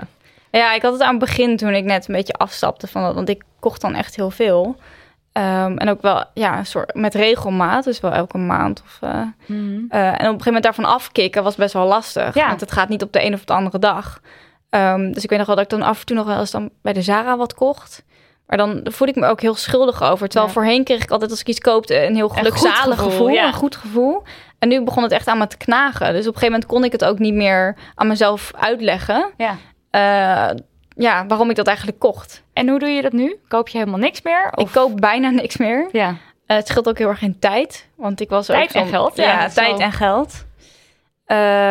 En als ik dan wat koop, ja, dan is het vaak ofwel tweedehands, maar dat doe ik ook niet super vaak. Ehm, of bij een aantal merken waarvan ik gewoon weet, of Ja. nou ja, die ik in elk geval vertrouw dat ze het goed doen of beter proberen te doen. Daarover. Ja. Daar hebben we natuurlijk heel veel vragen Ja, over gekregen. Van wat kan je dan wel nog dragen? Ja. Eh, kan je eerst, ik vertelde het net al heel kort van dat Primark, H&M, het is eigenlijk allemaal crap. Waar, Ja. Kan jij daar zelf iets over vertellen?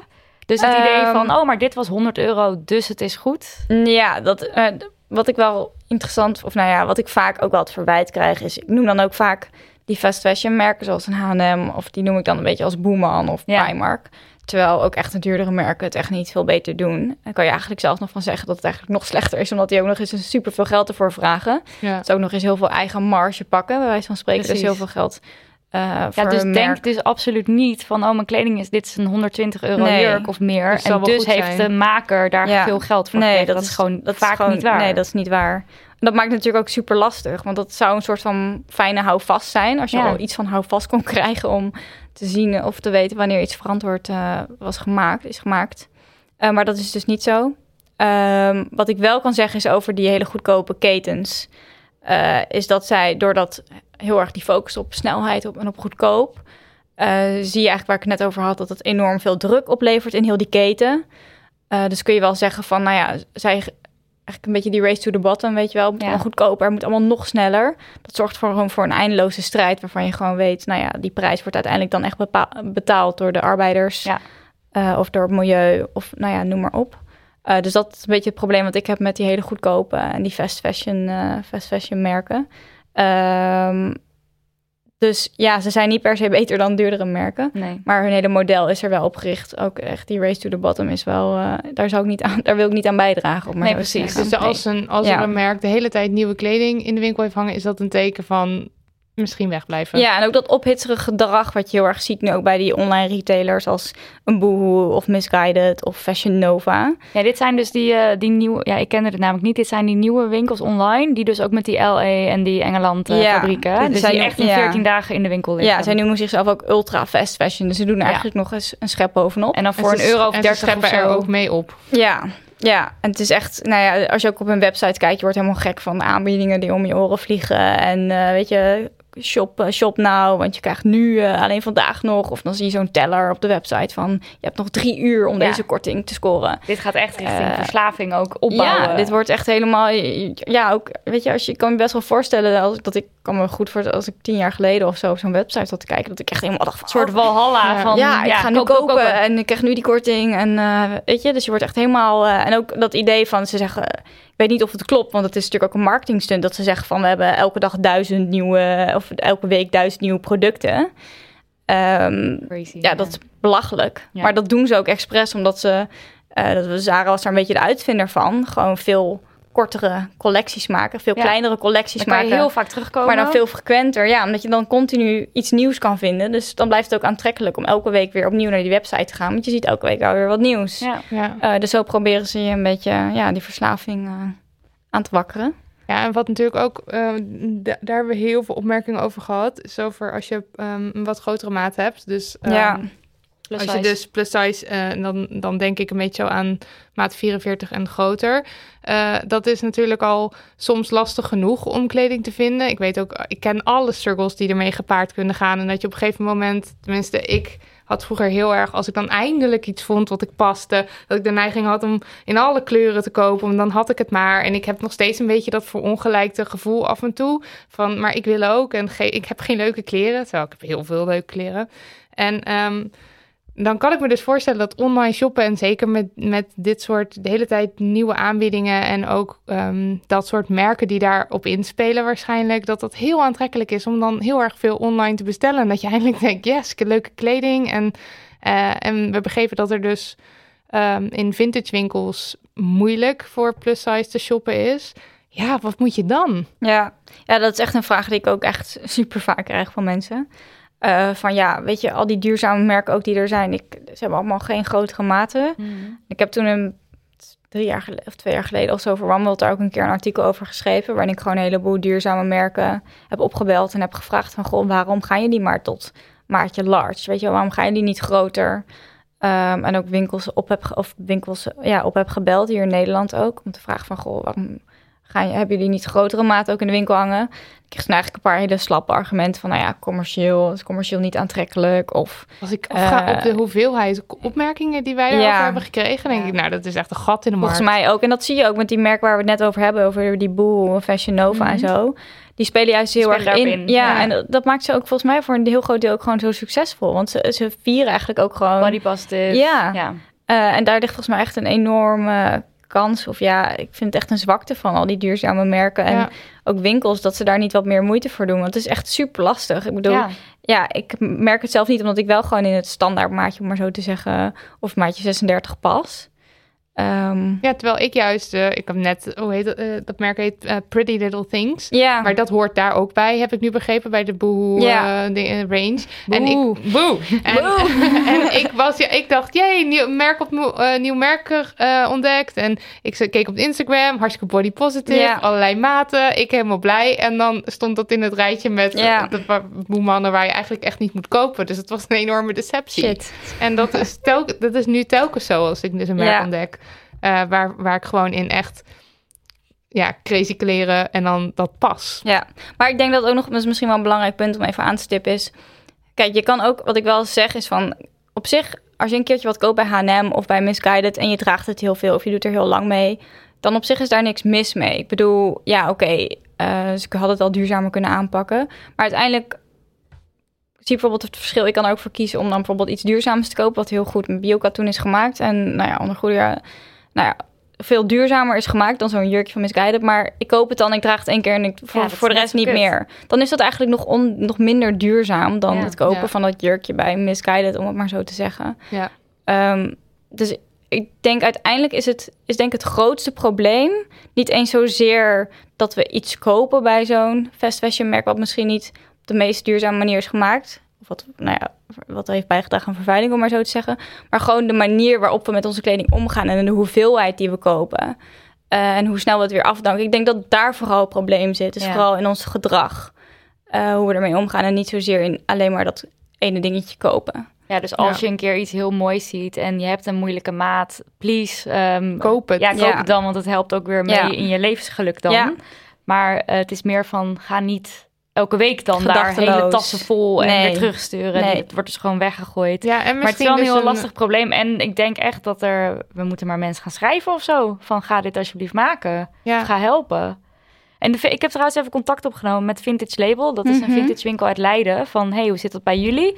En zij zei van, eh, het is heel lastig. Want vintage is dan 30 jaar oud. En we hebben vooral kleding die dan gemaakt werd in eh, Italië en Frankrijk. En dat zijn hele smalle tailles. En dat zijn over het algemeen hele kleine, petiterige Mhm. kleding die we dan eh, binnenkrijgen.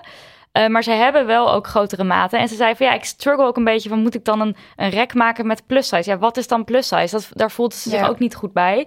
Eh, en ze zei dat het soms ook nog wel is dat mensen denken van oh, daar hebben ze toch niks voor mij. Maar dat zij er dus wel haar best erop doet. En dat ze binnenkort een kledingruil wil organiseren voor mensen met een grotere maat. En Oh, dat dat het ook eventjes ehm, eh, dan weer gaan noemen op onze Instagram als het eenmaal zover is. Dat Ja. nog geen datum. Maar het was dus in het geval van de vintage winkels is het niet per se onwil, maar het is ook lastig om het eraan is er te dus komen. ook gewoon blijkbaar niet Ja. echt of niet voorhanden of zo. Om Ja. niet snel aan te komen.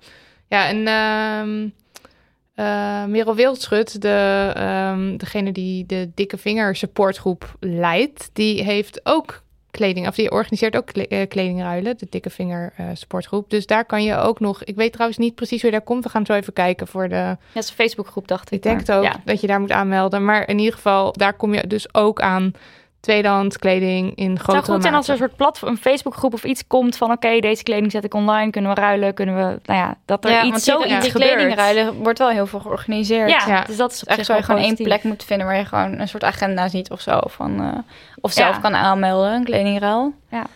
Maar wacht, nog heel even terug naar wat dan wel. Ja, Oh ja, want wat we hebben dus heel veel zijn. mensen Ja. die zeggen van wat zijn dan wel merken die je kan kopen. In eerste instantie is dus de tip koop eigenlijk niet. En dat is natuurlijk heel stom om te horen, maar lieve mensen, Wel doe best. het niet. Maar als je het dan toch, toch wil wil doen?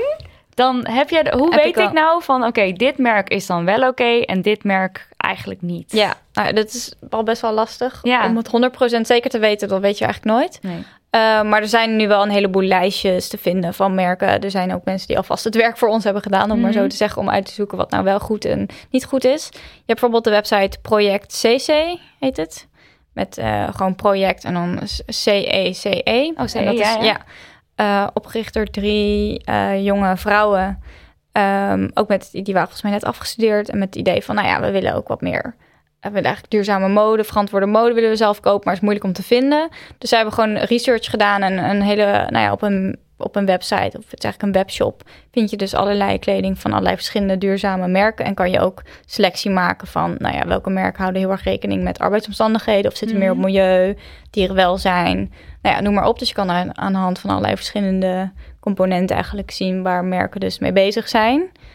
Um, daarnaast heb je ook nog uh, oh ja, ook een aanradersboek van Marieke IJskoot. Dit is een goede gids. Ja. Uh, er staan ook een heleboel hele fijne tips in, zowel voor vintage adresjes uh, als voor kledingwinkels, als ook voor online webshops. Ook per categorie ingedeeld, dus ook tassen, nou ja, noem maar op, accessoires. Ja. Ook een hele fijne tips staan daarop. Uh, ook een hele leuke blog is van, uh, heet When Sarah Smiles. Oh ja, ja ze heeft ook een oh, ja. Instagram-account, ja, toch? Ja, ja is ook een Instagram, ja. ze heeft ook een Instagram-account. Ja, zij deelt ook hele leuke en ze is ook heel fashionable. Dus ze heeft ook echt hele toffe uh, merken die ze vaak uitlicht. Ja. Um, even denken, oh ja, heb je nog Good On You, heet dat? Dat is een, ze hebben volgens mij ook een app, dus die kan je ook makkelijk op je telefoon zetten. Het is een beetje eigenlijk hetzelfde als Rank a Brand. Het is een ja, Nederlandse dat... organisatie. Oh, oké, okay, ja. Want dan ja. kan je dus een beetje checken. Ja, er zitten wel uh, een paar maren aan. Want Rank a Brand is bijvoorbeeld een organisatie die kijkt alleen naar wat merken zelf op een website hebben staan. Dus ja. eigenlijk vooral naar beleid. Maar ze kijken wel of die informatie ook verifieerbaar is door bijvoorbeeld te checken of ze aangesloten zijn bij keurmerken. Mm, ja. Of door organisaties die dat, uh, uh, ja, door onafhankelijke uh, ja, keurdiensten eigenlijk, die dat dan controleren. Dus je kan wel degelijk iets daarvan aflezen. Ja, dan kan je zien hoe, er, hoe ja. erg het is. Ja, en Good On You gaat gewoon net wat, gaat gewoon net wat verder. Maar ze okay. hebben ook duurzame merken ertussen staan. Ja, leuk. Dus, en dat heeft Ranker Brand dan weer veel minder. Dan kreeg je natuurlijk heel, de vraag, heel vaak de vraag van... ja, maar ik heb het budget niet. Dus we hadden bijvoorbeeld iemand die zei... ik moet van 80 euro in de week rondkomen. Help. Ja, en dan wilden wilde ze niet horen minder Tweedehands. kopen. Ja. Tweedehands wilden ze ook niet horen. Tweedehands uh, is dan... Weet ik eigenlijk ja, kleding ruilen Volgens zou mij denk wilden ik dan... ze wel graag, want de vraag was echt uh, nieuw. Want ze vindt het heel erg leuk om tweedehands te shoppen. Maar ja. hoe, hoe pak je het nieuw aan? Waar vonden er meteen soort van voor 200 euro een shirt te kopen? Dat ja. was denk ik het idee. Ja, nieuw is dus bijna niet... Is dat... Maar dit is natuurlijk het hele ding. We willen kopen we willen weinig geld eraan uitgeven. Ja. Of we ja. kunnen. Ik bedoel, soms voor sommige mensen is het ook echt niet mogelijk.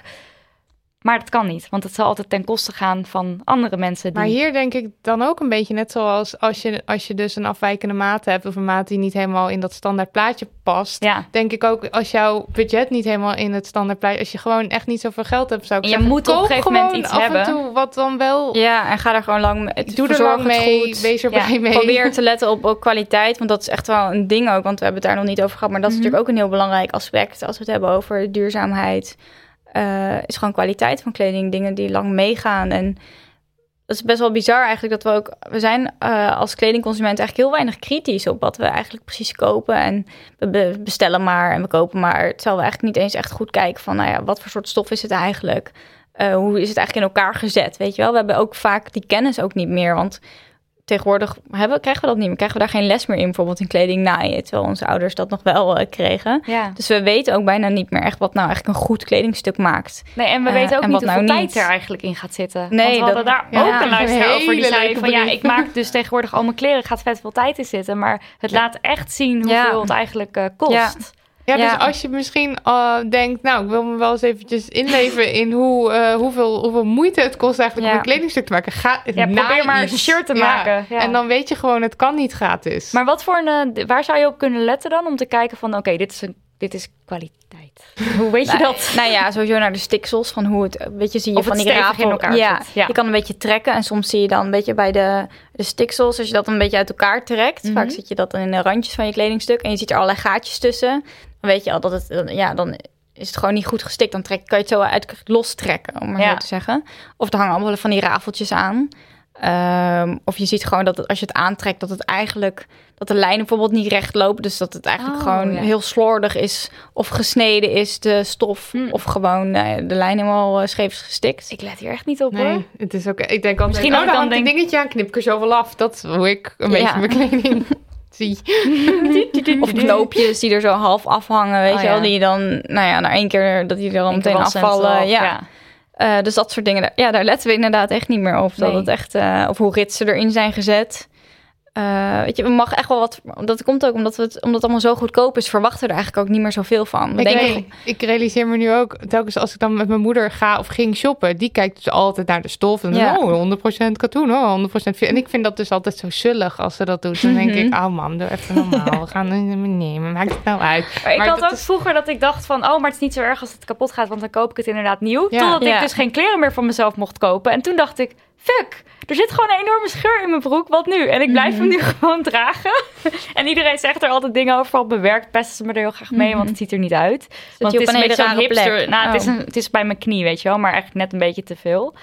En ik wil me al heel lang laten repareren, maar ik weet dan eigenlijk niet zo heel goed waar ik dat dan echt goed kan laten doen. Maar ik heb wel eens kleding trouwens laten vermaken. Dus dat is ook nog een Ja. tip voor mensen die heel makkelijk iets weggooien. Eh, ik heb wel een tijdje gehad dat ik even iets, iets voller was. En dan had ik gewoon een jurkje wat ik heel leuk vond groter laten maken bij een kledingmaker. Dat was 15 euro of zo. Gewoon een stukje stof ertussen. Het was misschien niet de meest prachtige oplossing, maar ik was wel heel blij dat ik het gewoon nog kon dragen. Ja. Ik heb trouwens ook wel eens kleding geverfd, maar ik vraag me nu af hoe slecht dat is. Want het moet ook gewoon in, dat is, dat is niet goed ja, dat is niet. eh Nee. Je hebt tegenwoordig wel natuurlijk wat Meer, meer kan ook biologische met, verfstoffen. ehm, eh, met bloemen. Met Weet ik bloemen. van een vriendin die Ja. dat doet. met bloemen. Ja, dan moet je zelf bloemen en dan de kleurstof. En dan... Ja, je hebt ook met eh, volgens mij kool of zo. ja. Met groenten en zo, kolen. Nou ja, ik weet Oh, ja. oké. Nou, dus Nou ja, te zoeken. merk kan ik vast wel iets vinden op internet. Oké, maar waarom doet die kledingindustrie niks? Ja, Want kijk, dat wij nu heel lief allemaal de oplossingen zitten te bedenken, dat is allemaal leuk en aardig. Maar wij zijn uiteindelijk, denk ik, eh, niet degene die daarmee moeten komen. Het is goed dat je meedenkt, maar Ja, maar ja, wij zijn uiteindelijk wel degene die, eh, die het kopen. die druk zetten. Ja. Ja, nee, ja, de kleding is. Er, er is wel een en ander, weet je, wat merken aan het doen zijn ten opzichte van 20 jaar geleden. Weet je, bijna elk merk heeft tegenwoordig wel eh, een eigen eco-lijn of een conscious, Mhm. bla bla bla. Of zijn wel bezig met een katoen vervangen voor een wat meer duurzamere variant. Eh, maar het gebeurt, het gaat echt nog super langzaam. Eh, omdat eigenlijk gewoon als je naar een duurzame industrie wil, moet je eigenlijk gewoon heel dat verdienmodel veranderen. Van dat fast fashion, die snelheid en die enorme focus op die lage prijzen. Dat zou je moeten veranderen. Maar goed, ja, bedrijven, het is op dit moment zo zie je maar naar die, kijk maar naar die ultra fast fashion Ja. merken die nu in opkomst Wat zijn. juist weer komt, ja. Eh, ja, dat het, dat het eigenlijk, het kan dus nog veel erger. ja. Ehm, Maar we, wat, wat ik altijd lastig vond, zijn de ontzettend lage lonen. Ja. Dus ik was me toen niet eens zo heel bewust van eh, de, de, enver, de milieu-impact, Milieu. zeg maar. Ehm, en die lonen, die, em, die liggen vaak... Het minimumloon ligt vaak dan onder het leefbaar Ja. loon. Klopt. En daarvan denk je dan als consument van... ja, maar dat kunnen we toch wel oplossen? Ja. Ja, dat, heel veel mensen zeggen dan ook van ja, doe, eh, ik ben best wel bereid om een eurotje Precies. meer te betalen. En in principe zou dat ook uiteindelijk de kosten moeten kunnen dekken. Want vaak gaat het echt maar om een paar eurocent of zo per kledingstuk Ja. meer. Waar we het dan over hebben om die lonen dan te verdubbelen. Of om dan van een, eh, van een minimumloon naar een leefbaar loon te gaan. Ja. Maar uiteindelijk gaan we dan toch voor die super cheap ass dingen. Ja, ook dat zie je vaak uit onderzoek dat we dan toch nog steeds voor het goedkoopst kiezen. Ook al scheelt het maar een paar euro. Ehm, en tegelijkertijd is het ook zo dat veel bedrijven. Kijk, het lastige is dat eh, vooral ook de relatie met. eh, want veel van de kledingproductie gebeurt dan in fabrieken Mhm. die niet in handen zijn van modebedrijven. Dus, Nee, dus wat je net zei toen dat Rana Plaza instortte, vonden ze allerlei labels. Dus het is niet dat het Rana Plaza van Mango was. nee, zeker Nee. niet. En zij, zij betaalden niet eens de mensen die daar werken. Nee, dus, en dat is een eigen fabriek Ja, die Ja, dus een hele wordt. keten. Die krijgt opdrachten. Ja, Ja. het is gewoon een, een Beng- Be- het was gewoon een fabriek van een Bengaalse man. Een beetje een corrupte man was het. Ja. Eh, Een beetje, nou ja, een beetje heel erg.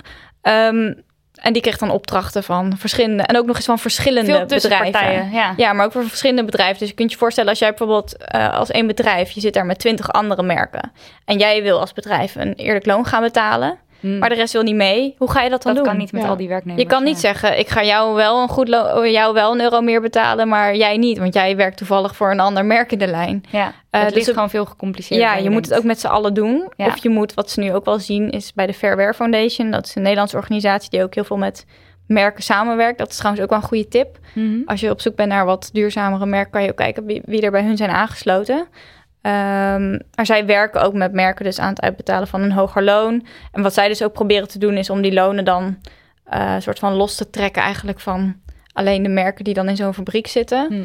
En om het dan wat meer te verspreiden, eh, het uitbetalen van lonen, zodat je als uit, uiteindelijk wel als merk dus heel zo'n fabriek voorziet. Ja, Eh, maar dat kan in principe alleen als je een van de twee bent of een van de drie, of daar best wel een groot deel van je productie hebt. Want je gaat natuurlijk niet, ja, als je een van de twintig bent, voor 19 andere bedrijven, zeg maar, eh, garant staan. dat kan niet. Nee. Nee, maar het kan ook niet een excuus zijn. Het is niet een reden om het niet... Nee, dat is dan ook weer zo. Dan, dan denk je, ja, ga dan, ja, dan moet je misschien een andere fabriek zoeken of Ja. zo, waar je dan wel die impact kan maken. Eh, maar ja, dan help je die arbeiders in die desbetreffende doe fabriek better, natuurlijk ook niet mee. Ja, maar en dat is ook een beetje waar ik... Want ik denk soms dan... Oké, nou ja, dan koop ik gewoon wel kleding die hier dan in Nederland gemaakt wordt. We, er zit hier ehm, in de, bij ons in de straat nu in de Postjesweg zit eh, Sabine Staartjes. Zijn we Yay. een groot fan van. En zij is een designer en zij maakt haar kleding zelf. Dus dan weet je meteen van, dan heb je dat allemaal niet. Al kan je natuurlijk ook nog afvragen waar de stoffen vandaan komen, denk Mhm. ik. Ja, Maar ja, dan, dat betekent dus wel weer dat, dat er mensen in andere landen loon mislopen. Of Ja, want Ja. hoe denk je daar dan over? ik krijg heel vaak dat eh, argument van, ja, maar goh, eh, ik, eh, uiteindelijk hebben die mensen wel gewoon werk, toch? Ja, en dat is natuurlijk deels ook wel weer waar. Ik bedoel, ook als je kijkt naar waar ik net, wat ik net zei, heel veel, in vooral in Bangladesh en China zijn heel veel vrouwen, vooral jonge vrouwen die ook in fabrieken werken. Voor heel veel ook een eerste, eh, een eerste werk, zeg maar, een eigen inkomen en zo. Dat geeft ook weer onafhankelijkheid. Nou ja, noem maar op, eh, economische vooruitgang. En je ziet ook wel dat de industrie ook echt wel positieve heeft, of ja, positieve bijdrages heeft geleverd in dat Mhm. opzicht. Ehm, maar ik vind het ja gewoon een best wel een slap argument om dan maar gewoon die. Ja, ik wil ook wel even iets, ik wil wel iets concreter even vertellen hoe het met die lonen zit. Want in Bangladesh is een minimumloon dan 84 euro. Ik heb het overigens uit jouw explainer Mm. van de correspondent hoor. Ik heb het niet zelf bedacht. 84 euro, terwijl het leefbaar loon 174 euro is. En een leefbaar loon wil dus zeggen dat verschilt per land. Dat is het loon dat minimaal nodig is voor bijvoorbeeld gezond en voedzaam eten, huisvesting, kleding, medische kosten, scholing, transport en om als het kan ook nog een beetje te sparen. Dus er zit een enorm verschil tussen. Myanmar, 84 euro krijgen ze in plaats van 113. Eh, India, in eh Tirupur krijgen ze 122 in plaats van 177. En Ethiopië, wat echt heel erg heftig is, vond ik, eh, minder dan 26 euro in plaats van 158. Dat is echt Ja, dat is Ja. echt shocking. heel shocking. Ehm, en ehm, wat, wat ik hier ook over hoor, bijvoorbeeld over, over kinderarbeid, dat mensen dan zeggen van ja, maar er mag steeds minder, er wordt beter op gelet. En toen hoorde ik van iemand anders die ook meer zich hierin verdiept heeft, dat die kinderen vervolgens naar een sector gaan of een industrie waar nog veel minder toezicht is. Bijvoorbeeld de bakstenenindustrie, waar dus blijkbaar nul toezicht is. Daar moeten die kinderen onder veel gevaarlijkere omstandigheden werken. Eh, want het moet geld, want die moeder Ja. die verdient niet genoeg. Die Ja. verdient 100 euro omgerekend of meer dan 100 euro omgerekend te weinig. Dus de kinderen zullen moeten helpen om te kunnen eten. Ja. Als je nou die moeder een goed leefbaar loon betaalt, Hoeven die kinderen niet in de baksteen. ga je zoveel. Ja, en het is zo. Ja, ik vind het zo bizar dat we- de bedragen waar we het over hebben, we hebben het niet over maandlonen van eh, Nee. 2000 euro. Maar wat, en wat ook nog zo is, is dat er blijkbaar een pay cap is. Want Ja, de vrouwen Ja. krijgen ook nog eens minder betaald. Ja. ja, ja, in Pakistan was het verschil 60% Was ik.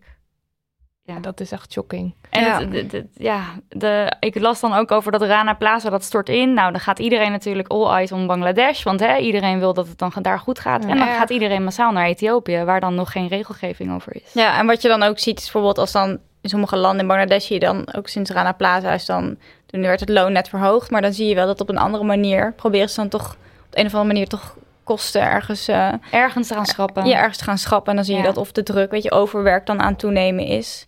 Oh, dat, Eh, dat dan, dat, ja, dat dan weer. Dus ja, dat ze dus dan weer hele, ja, hele lange Ja. werkdagen moeten maken. Of dat ze dan geen bonussen meer krijgen. Dus het wordt op de een of andere manier dan wel weer gecompenseerd. Ja. Ehm, en ook sinds Rana Plaza, er was vier jaar na Rana Plaza, werd toen ook een rapport uitgebracht.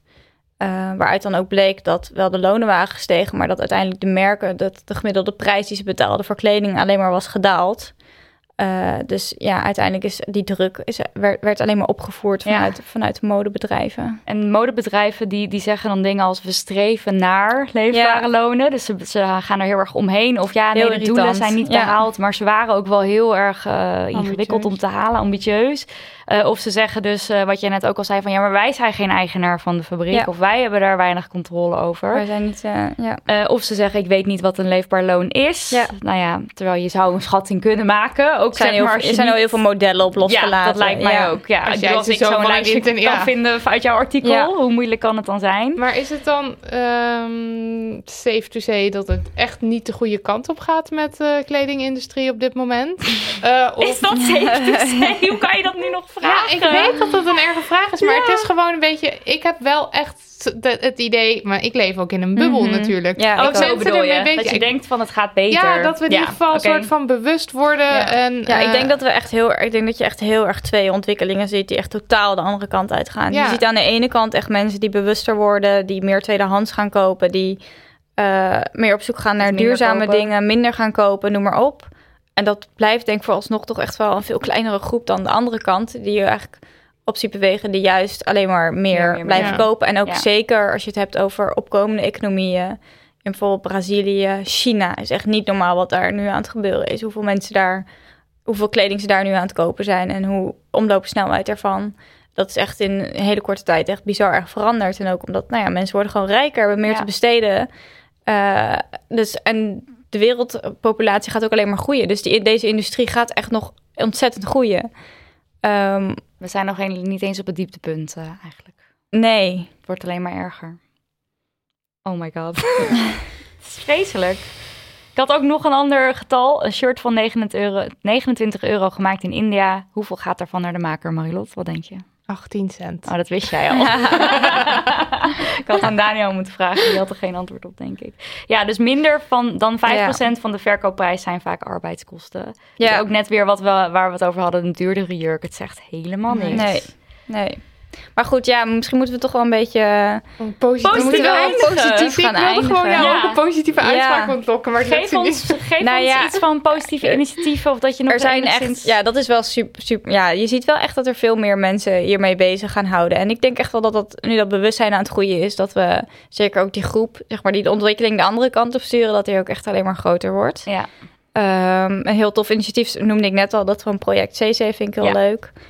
Ehm, die echt wel, ja, volgens mij best wel een goed bereid daarmee hebben en het gewoon makkelijker maken om betere keuzes, eh, keuzes te maken voor anderen. Eh, je hebt ook Fashion Revolution, ook een leuke organisatie. Die is na Rana Plaza zijn zij eigenlijk. eh eh, het is een Britse, volgens mij een Brits initiatief, maar dat hebben ze nu in allerlei landen. Hebben ze allemaal vrijwilligers, ook in Nederland. En elk jaar rondom eh, de instorting van die fabriek, rondom 24 april is dat, hebben zij een week lang allerlei acties. eh, ook hier in Nederland lezingen die ze verzorgen. Of nou ja, noem maar op wat ze allemaal organiseren. Ehm, ook heel goed, omdat ze ook telkens weer gewoon die aandacht weer vragen Ja. voor de ene dag wat er was gebeurd. Nou ja, Ja, het is gewoon 1100. mensen. Ja, 1100. Want toen ik dat las, schrok ik ook weer enorm. Omdat ik wel dacht van ja, er was daar iets ergs. Maar 1100 mensen, wat natuurlijk Ja. ook al belachelijk is om er zo over na te denken van hè, Ja, het is een Maar van de grootste industriële echt- rampen ja, uit Ja. de geschiedenis. Ja, het is echt ongelooflijk. Zijn er ook eh, dingen waarvan je zegt van nou, Marilot Nidia, als je dat nou eens gaat doen, dat zou ook al bij kunnen dragen. Behalve dus zelf gewoon minder kopen. eigenlijk niks kopen, maar Nou ja, min eh, mensen uitnodigen in je podcast. Die, eh, Spread the word. spread the Ja, je wil eigenlijk iedereen Ja. zou een Amy moeten worden. Dat als je binnenkomt, Nou, dat mensen niet heel actief eh, enthousiast over kleding meer durven te praten. Ja, Nou. want ze enorm schamen Nou, maar we meteen. vinden het wel leuk om Weet je, een, net een als challenge te geven. vliegschaamte, Ja. vleesschaamte, Ja. kledingschaamte. Maar ja, het is zo'n bubbel, hè? Ja. Dat is het probleem. Maar zullen Ja. we nog even een challenge... Iets van een challenge. Want ik weet dat ik gewoon heel erg die hou vast en die, ja, die concrete... die maand lang kleding niet kopen of zo. Zoiets. Een maand? Ja, of, eh, of, dat, of dat je dus gewoon een, een cijfer neemt nog voor de rest van het jaar aan hoeveelheid kleding die je ko- mag kopen van jezelf. Ja, zo van we hebben nog vijf maanden. Dus dat iedereen dan even bij zichzelf denkt. Van, Maar dan ga je misschien wel max? hele... Ja. nou, ik, denk, ik zou dus zeggen als ik, eh, dat ik bijvoorbeeld nog drie kledingstukken zou mogen kopen. En dat vind ik al eng. Want dan denk ik, "Hu, Ja, dit ga ik nou ja. Maar ook nieuw? De rest Nou ja, van het nee, jaar. niet nieuw. Of, eh, Eh, echt gewoon de rest van het jaar dan, kledingstukken. ja. ja. en dan de rest van het jaar aan kledingstukken. En dan heb ik het ook gewoon over tweedehands. Want ik, ja, tweedehands zie ik dan toch een soort van, als een soort vrijbrief of zo. Ja. En dat is het niet. Nee. En dat moet ik ook onder Ja. ogen zien. We, zei- we hadden ook nog een tip van iemand die zei: schrijf het op als je iets nieuws koopt. Dan heb je een lijst. En dat maakt natuurlijk ook heel inzichtelijk. Van oh. Want Ja. het is wel heel snel van: oh, ik heb al heel lang niks gekocht. Terwijl je hebt dan anderhalve Ja. maand geleden nog wat gekocht. Maar laten we dan dit En als gewoon het challenge bedrag doen. ook erbij. Oh, dat is ook een goeie, ja. Ja, dat je dat er ook bij zet. Maar laten we dan dit als challenge doen. Bedenk voor jezelf: oké, we hebben nog vijf maanden. Welk, wat is het max aantal kledingstukken dat ik ga kopen? Nieuw of tweedehands? Nou ja, dat Ja. mag je voor jezelf kiezen. Mag je ook delen En- met ons? Ja, deel het vooral met ons. En dan, ehm, ja, we hopen dat we dan op een of andere manier mensen een beetje aan de gang Ja. krijgen. Ja. En kleding ruilen mag wel. Ja, dat Ja. vind ik een heel Ja. goed idee. Om het toch nog... eh, Ja, Om het toch helemaal een beetje behapbaar te Oh, en maken. dat, ja, we moeten misschien gewoon een enorme kledingruil met de alle Damn Honey mensen Ja. eh, organiseren. Daniel, die zit hier Die van, zit- dat wilde ik zeggen. Maar je, hadden wij het vanmiddag ook al over. Wij mogen drie maanden niks kopen en dan organiseren jullie een kleding. Drie maanden niks kopen en over drie maanden organiseren wij een kledingruil. Oh my god, Dat briljant. is eigenlijk heel erg We leuk. doen het. Oké, we, We doen doen het. Mensen, we doen het. Oké, Amy, ja, dankjewel. Ja, voor dit, graag voor dit Voor dit vreselijke- maar fantastische... ja, dat vond, je het vond je dit ons echt zo vreselijk? Nee. Nou ja, het is... Je weet het, het is al, mooi. Ja. maar het is wel heftig. En dan nog heb ik het idee dat we echt dat we nog maar een heel klein beetje besproken hebben. En het is Mhm. gewoon En ik vind het zo'n ook wel- groot ongrijpbaar iets. En Ja. als je ook zegt van het gaat eigenlijk alleen maar erger dan Ja. doen beelden. En ik vind het ook wel intens om zo alles achter elkaar te horen. Want het is een soort van... De ene keer heb je het over het klimaat... en de andere keer heb je het over de lonen... en dan weer over de Ja, dan kleine denk je, het kindervingertjes ooit die nog ook- op? Ja, en, dan, en dan, dan krijg je dat gevoel Ja. van... je mag ook niks meer. En dan... Nou ja, dat, dat hoop ik dus niet. Want ik, dat gevoel slaat altijd een beetje... eh, Ja, verkeerde kant. verkeerde kant op. Ja, Mensen worden dan een beetje moedeloos en denken, ja, wat maak ik dan uiteindelijk voor impact? Maar ik denk echt gewoon als individu, gewoon bij elkaar. Dat is gewoon het makkelijkste om, om ja, of ja, het makkelijkste niet per se, maar Ja, en wij hebben wel de meeste macht. Want als we allemaal massaal besluiten niet meer te kopen... is het Ja. klaar. Ja, ja. dankjewel.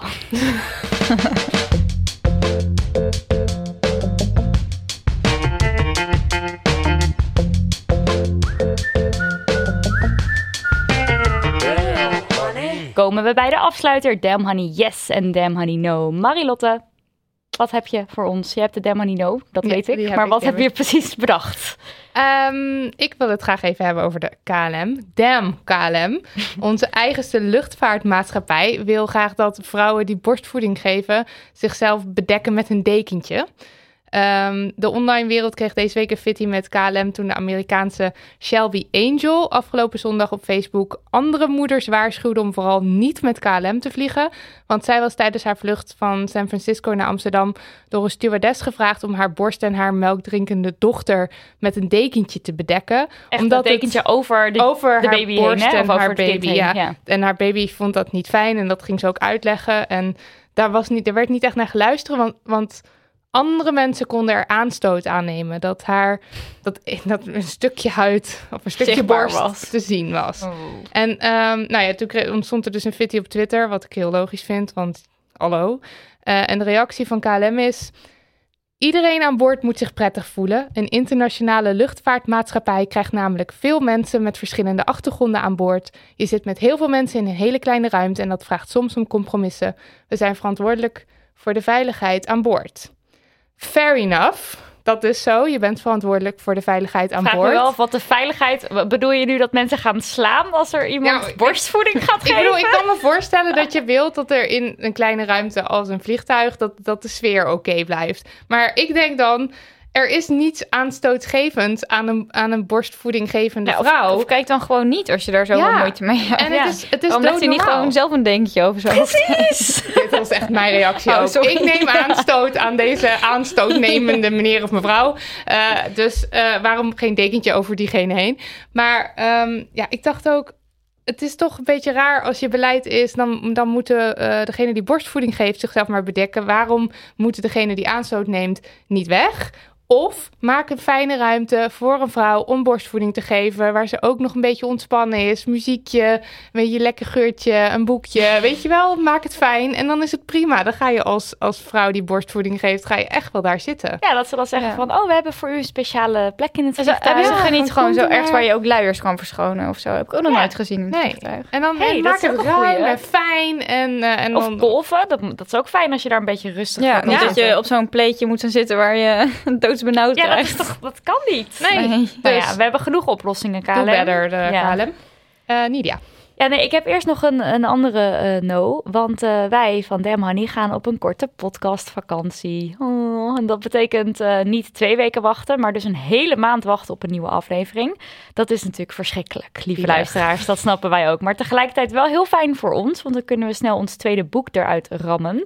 En om jullie niet met lege handen achter te laten, bestaat mijn Damn Honey Yes uit drie fantastische cultuurtips. Zodat jullie dat dan, kunnen jullie daarmee aan de slag, terwijl je niet naar ons kan luisteren. Tip nummer 1. Het is een film. Ik heb hem zelf nog niet gezien, maar ik wilde graag drie tips geven. Dat, is toch, dat klinkt fijner dan twee tips. En eh, twee van onze zeer gewaardeerde Damn Honey gasten, namelijk Mark Bergsma en Meredith Greer, eh, zagen de film en waren enthousiast. Dus ik ga hem tippen. Het is Booksmart. We have to go to a party tonight. What? Nobody knows that we are fun. We didn't party because we wanted to focus on school and get into good colleges. And it worked. But the irresponsible people who partied also got into those colleges. I'm incredible at hand jobs, but I also got a 1560 on the SATs. Geregisseerd door Olivia Wilde en het script werd geschreven door vier vrouwen. Het is een coming of age over twee meisjes die er dus alles aan hebben gedaan om op de perfecte universiteit terecht te komen. En op de laatste dag van high school besluiten ze helemaal los te gaan. Heb jij hem gezien, Amy, toevallig? Nee. Nee, oké, nou dan is het voor ons allemaal nog een verrassing, maar eh, Ik geloof ja, er wel ik heb er zin in. Tip nummer twee, twee, twee. Het boek Drie Vrouwen van Lisa Tadeo van uitgeverij Nijg en van Dipmar. Daar misschien ervaring mee gehoord? Iets? Iemand? Nee, ik Ook ben niet. zelf aan het lezen. Eh, het eh, boek volgt ehm, eh, drie vrouwen dus, zoals de titel al zegt. En auteur Lisa Tadeo heeft ook letterlijk acht jaar lang deze drie echt bestaande vrouwen gevolgd. En dan specifiek hun sekslevens en verlangens van deze vrouwen. En dat zijn drie gewone Amerikaanse vrouwen. En dat gegeven vind ik al heel bijzonder. Dat dus op een literaire, serieuze manier eh, het leven van drie vrouwen in kaart wordt gebracht. En dan dus ook hun eigen verlangens en hun seksleven. Het gaat over Lina, een huisvrouw die al tien jaar vastzit in een doodgebloed huwelijk. En die er, eh, geloof ik, een minnaar op eh, na gaat houden. Ik ben nog niet zo ver. Over Sloan, een, eh, glamoureuze ondernemer die haar man toelaat kijken terwijl ze seks heeft met andere mannen. En over Maggie, een middelbaar scholier die wordt verleid door haar leraar Engels. En daar volgt vervolgens een rechtszaak en het hele dorpje gelooft haar niet. Eh, ja, en ik ben erin bezig en vooralsnog bevalt het. En dan als laatste een podcast tip, tip nummer drie. Drie, drie. zien jullie hoeveel plezier ik hiermee heb. het is Foefoe en Dadels, de podcast. eh, vrijgevochten met een zachte G. Gemaakt door Mungayende, Suela en Hazar. En dat zijn drie millennial vrouwen van kleur uit Eindhoven. En eh, het zijn vriendinnen van elkaar. En ze willen een eh, safe space aan hun luisteraars bieden. En zowel hun overeenkomsten vieren als omarmen. En het gaat eigenlijk over van alles. Het is een heel toegankelijke podcast. Het gaat over imperfectie, zelfliefde, politiek, eh, over zusterschap, eh, kleur bekennen. En het voelt voor mij een beetje alsof ik naar een vriendinnetje zit te luisteren. En je wil ook meekletsen. Ik heb er heel veel van geleerd. Er zitten allemaal superwijze quotes in. Dat ik denk van oké, even terugspoelen, even een keer nog een keer luisteren. Ehm, en het is dus vanuit Eindhoven. Dus een keertje niet vanuit de Randstad. Wat toch ook denk ik wel een hele frisse, fijne toevoeging ook, is ja. aan het podcastlandschap. Dus eh, ja, ga dat vandaag vooral luisteren. En dan mijn laatste demo yes, is niet een tip, maar ik ben gisteren tante geworden en ik was bij de bevalling. En oh my god, ik heb een neefje en hij heet Josse en ik ben super trots op mijn zus. En dat wil ik nog even En ik heb zeggen. ook alle ins en outs gehoord over Van de bevalling. bevalling. En ik weet nog steeds niet wat ik ervan vind. Hij was veel te vroeg, maar hij was er opeens. En oh my god, gefeliciteerd Judith, zusje. Eh, Love you. gefeliciteerd Judith. Ja, jij ook gefeliciteerd met je Dankjewel. tante zijn. Dankjewel. Lieve luisterbabies, het zit erop. Baby's. Bedankt voor het Josse. luisteren. Amy, dank dat je hier onze hoofden kan verlichten en tegelijkertijd onze harten kan breken. Eh, op Twitter kan je Amy volgen, Amy Demkes. Of op Insta, dan is het Amy underscore Demkes. Dank aan producer Vent en droger op deelmeneer Daniel Oeh, van de. Poppen. En ook aan Jingleman Lu- Lucas de Gier. Bedankt voor alle poststukken en de vele reacties. Stuur vooral meer via Insta, @damhoney Of stuur een mailtje naar info.damhoney.nl. Het kan even duren voordat we reageren. We proberen het echt, echt, echt, maar we krijgen veel binnen. Maar we hebben dus ook vakantie. Ja, En we hebben vakantie. Ja, oh my god. Niks sturen. Wel dingen sturen, maar je krijgt niks Wel terug. Ja. Eh, laat een recensie achter op iTunes of steun ons met monies via patreon.com slash damhoney. Of niet zelf weten. Tot over een maand. Oh my god, vrij. Ik kan zoveel dingen doen. Wat Lezen, gaan we doen? slapen, Ik ga slapen. Yummy Mommy seizoen 2 kijken, denk ik. Deadlines halen. Embarrassing. Ja. Oh ja. Doei. Doei.